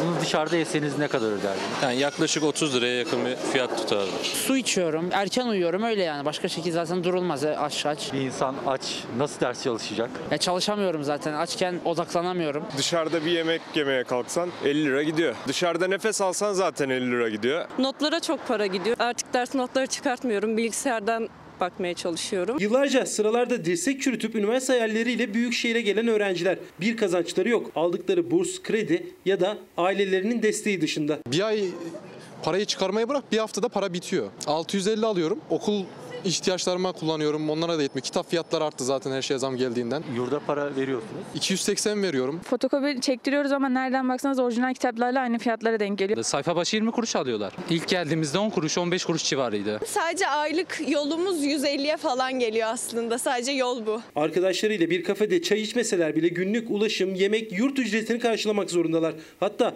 ders notları için fotokopi parasını. Yurtta kalmayıp kirada oturanlar için maliyet ayrı. 3 kişi kalıyoruz. Kira ne kadar? 1800 lira. Bir de ev sahibi kirayı arttıracağım diyor. Dolar yükseldi diyor. E, Elektrik 150 lira, su 100 lira, doğalgaz 600 lira. Ayda 1800 lira zaten yurt parası var. Her şey 3500-4000 liraya yakın paraya çıkıyor. Hem annem hem babam asgari ücretle çalıştığında anca yetiştiriyorlar zaten parayı. Bir maaş zaten bana geliyor. Diğer maaş da abime gidiyor. 5 kişi semavere giriyoruz. O da 65-70 lira oluyor. Suyu kata kata böyle fazla fazla içmeye çalışıyoruz. Dışarıda yersek bir yemek öğünü zaten 30 liradan aşağı değil yani. Biz biraz okulumuzda yiyip akşamı da buralarda geçirerek geçmeye çalışıyoruz. Günde 3 öğün yemek lüks üniversite öğrencileri için Çankaya Belediyesi her akşam üniversite öğrencilerine ücretsiz yemek çıkartıyor. O yemekhane dolup taşıyor. Dışarıda yemek yiyebiliyor musunuz? Zor, nadir yiyoruz. Pahalı. O yüzden genellikle yemekhanede yemeği tercih ediyorum. Yemek masrafını en azından buradan kurtarmaya çalışıyoruz. Toplumun her kesimi için bu ekonomik tabloda ayakta durmak zor. Üniversite öğrencileri için daha da zor. Şimdi bir kere Alper Taşdelen'i kutluyorum. Ve buradan bütün belediye başkanlarına da çağrıda bulunuyorum. Lütfen efendim, lütfen parayı betona gömmeyin. Öyle çılgın projeymiş falan uğraşmayın. Kaynaklarımızı heba etmeyin. Şimdi sizlerden yoksullarla destek çıkmalarınızı öğrenci kardeşlerim değil mi? Başkan biraz öğrenciler, eğitim. Mesela siz ne yapacaksınız? Şöyle, Türkiye Değişim Partisi. Şöyle 15 yıl boyunca bu evlatların Şişli'de yerel yönetimler Şişli modelinde bir kere sosyal belediyelik çok önemlidir. O evlatların bir kere yurtlarını yaptı. O evlatların burslarını verdi. 26.812 evlada burs verdim ve bunların hepsi eğitimlerini muhteşem bir şekilde okudular. Benim bütün belediye başkanlarından ricam hiçbir siyasi parti farkı gözetmeden Türkiye'nin geleceği gençlerimizdir. Gençlerimizin mutlaka, mutlaka ellerinden tutsunlar. Bu dün Derin Yoksulluk Derneği Başkanı Hacer Hanım var. Evet buradaydı Hacer O Foko. dün muhteşem bir konuşma Çalar saati yaptı. verir misiniz Savaş? Muhteşem bir konuşma yaptı ve yaptığı konuşmada da aynen şunu söyledi. Dedi ki çocuklarımız artık aç, çocuklarımız obez oluyor, bodur kalıyorlar. Niye kalıyorlar? Tek tip besleniyorlar. Çorba içemeyen çocuk var, et yiyemeyen çocuk var ve sütü göremeyen çocuklarımız var. Ama çocuklarımıza bir başka açıdan da bakmak lazım. Almanya sistemi üzerinde yoğun çalışıyoruz ve tavsiye ederim. Nedir o? lütfen Sayın Enver Hoca, Bahçeşehir'sin çok önemli bir dostunuz. Enver Hoca. Kendisiyle lütfen Enver Bey'le lütfen konuşun. Almanya modelini esinlendiğim Enver hocamızdır. E, Almanya'da üniversite açtılar tabii, onlar. Almanya'daki sistem şu. Bir fabrika sahibinin çocuğu da o fabrikada çalışan işçi arkadaşımızın çocuğu da aynı okula gidiyor. Aynı eğitimi alıyor. Almanya'da Almanya'da özel ilkokul diye bir şey yok. Okulların hepsi devletin, hepsi devlet çocuklarını okutuyor ama aynı şartlarda, aynı koşullarda. Bize bakıyorsun özel okulda 20 kişilik sınıfta okuyor çocuk. Teknik, teknolojik bütün imkanları var ama öbür taraftan başka bir okula gelip bakıyorsunuz ki 40-50 kişilik çocuklar ve teknik ve teknolojik imkanları yok. Fırsat ama ne oluyor? değil mi? Tabii fırsat eğitimde fırsat eşitsizliği var. Ama ne oluyor? Üniversite sınavına gireceği zaman aynı sorularla giriyor. Ama aynı şartlarda yarışmıyor ki. Ve de Sayın Küçüköy, e, Türkiye'nin en önemli konulardan bir tanesi nedir biliyor musunuz? Meslek yüksek okulları.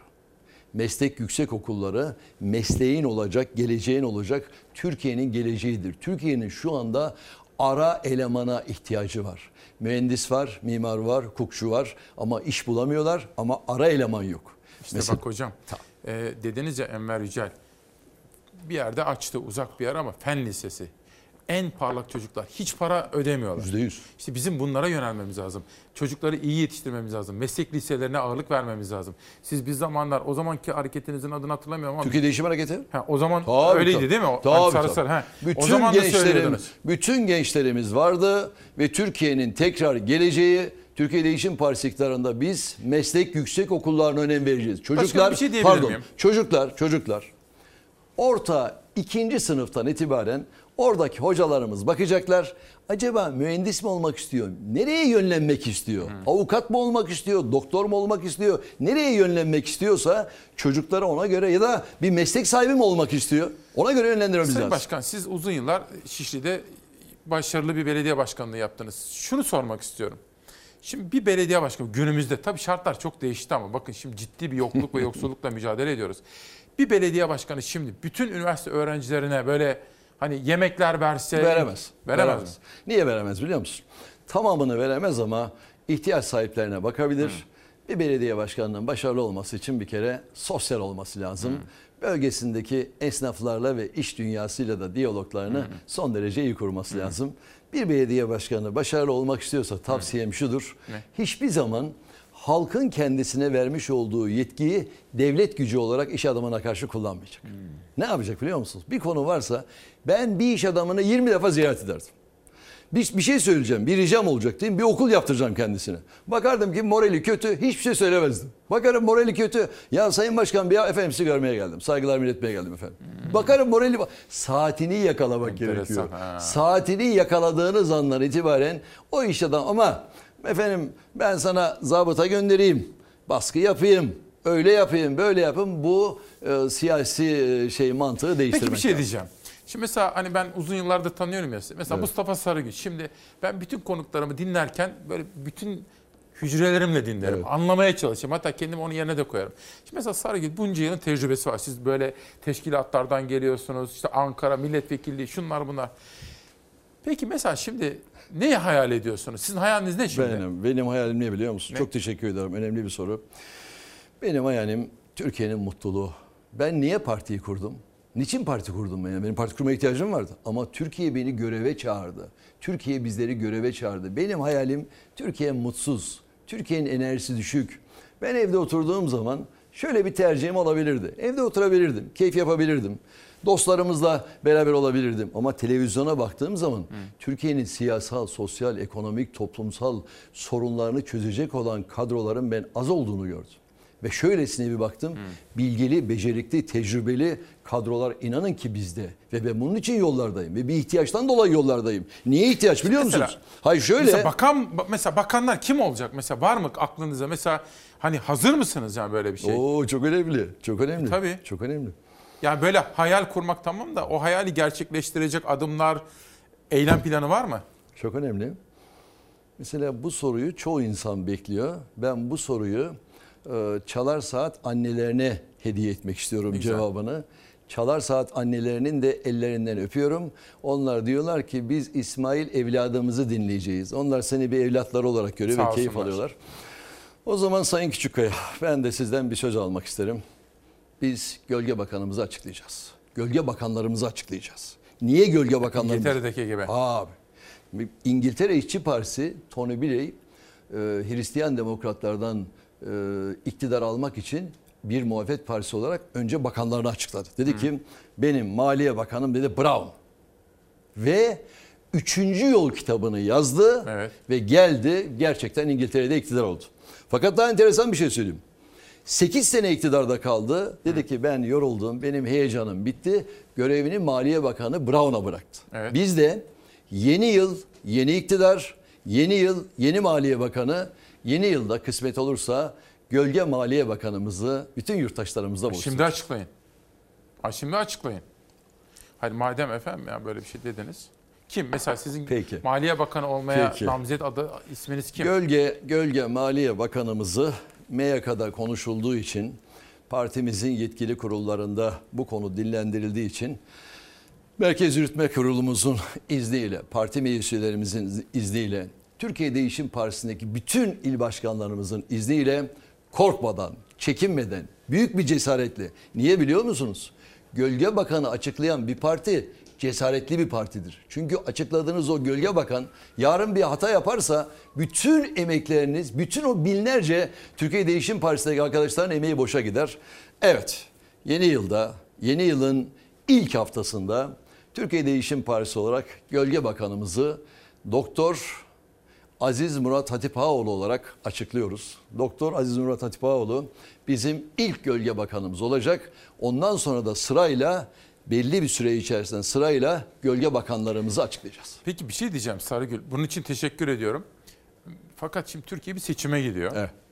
Ve artık sistem değişti. Hani ittifaklar zorunlu yeni dönemde. Şimdi herkesin aklına şu gelebilir. Şimdi siz mesela Sayın Erdoğan'la birlikte mi ittifaka katılacaksınız? Yoksa Kılıçdaroğlu ve dostlarım dedikleriyle mi birlikte olacaksınız?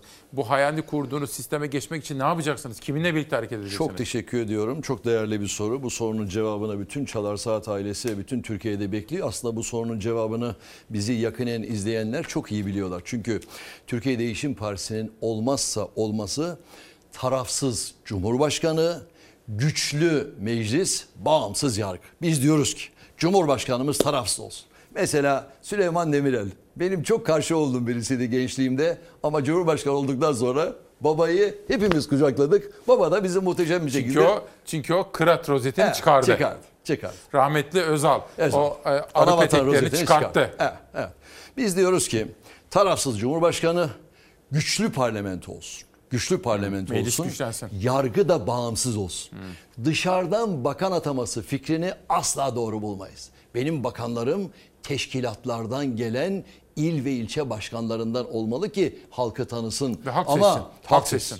ama Türkiye Değişim Partisi'nin bakanı bakan olduktan sonra parti rozetini kesinlikle çıkaracak. Bir ile gittiği zaman önce Türkiye Değişim Partimize gelmeyecek. Önce diğer partileri ziyaret edecek. Sonra Türkiye Değişim Partisi'ne gelecek. Çünkü artık ülkenin bakanı oluyor. Partinin bakanı olmaktan çıkacak. Ve şimdi düşünün ki dışarıdan gelen atama bakanların çoğunu kimse bilmiyor. Ama ben size Gerçekten öyle. 1977 Ecevit kabinesini sayayım. Ben size Özal'ın kabinesini sayayım. Anavatan'ın kabinesini ben size Doğru. e, Doğru Yol'un kabinesini ama bilmiyorsunuz. O çocuklara da bir şey söylemek lazım. Dışarıda okumuş olabilir. Bilgisi, becerisi, yeteneği ama siyaset başka bir şey. Siyasette gittiği zaman muhtara sevgili muhtarım nasılsın iyi misin diyecek. Selam verip selam alacak. Bereketli sofraları kuracak. O yer çadırında oturacak. Halkın istek ve özlemlerine bakacak. O nedenle Bunlar önemli. Türkiye Değişim benim soruma Tabii. dönersek. Türkiye Değişim Partisi'nin ana fikri, ana fikri güçlü parlamento, bağımsız yargı ve tarafsız cumhurbaşkanı. Tamam. Buna AK Parti uymaz. AK Parti'nin anlayışı e, tek adam yönetimi. Ben bunu da kesinlikle doğru bulmam. Mesela son günlerde dünyada yaşanan, Avrupa'da yaşanan muhteşem bir olay oldu. Bu olaya ben büyük bir keyifle Şili baktım. mi? Hayır, Şili Şili yeni. Şili'de de Esas- öyle. 35 yaşında biri lider oldu orada. Çıktı geldi. Bravo. Tebrik Vallahi. etmek. O, Şili'yi O da daha, öğrenci hareketten Şili'yi geliyor. daha incelemedim. Ona bakacağım. Bir Arkadaşlar dedim ki bir enteresan. bakın bu çocuk ne söyledi, ne yaptı, nasıl geldi.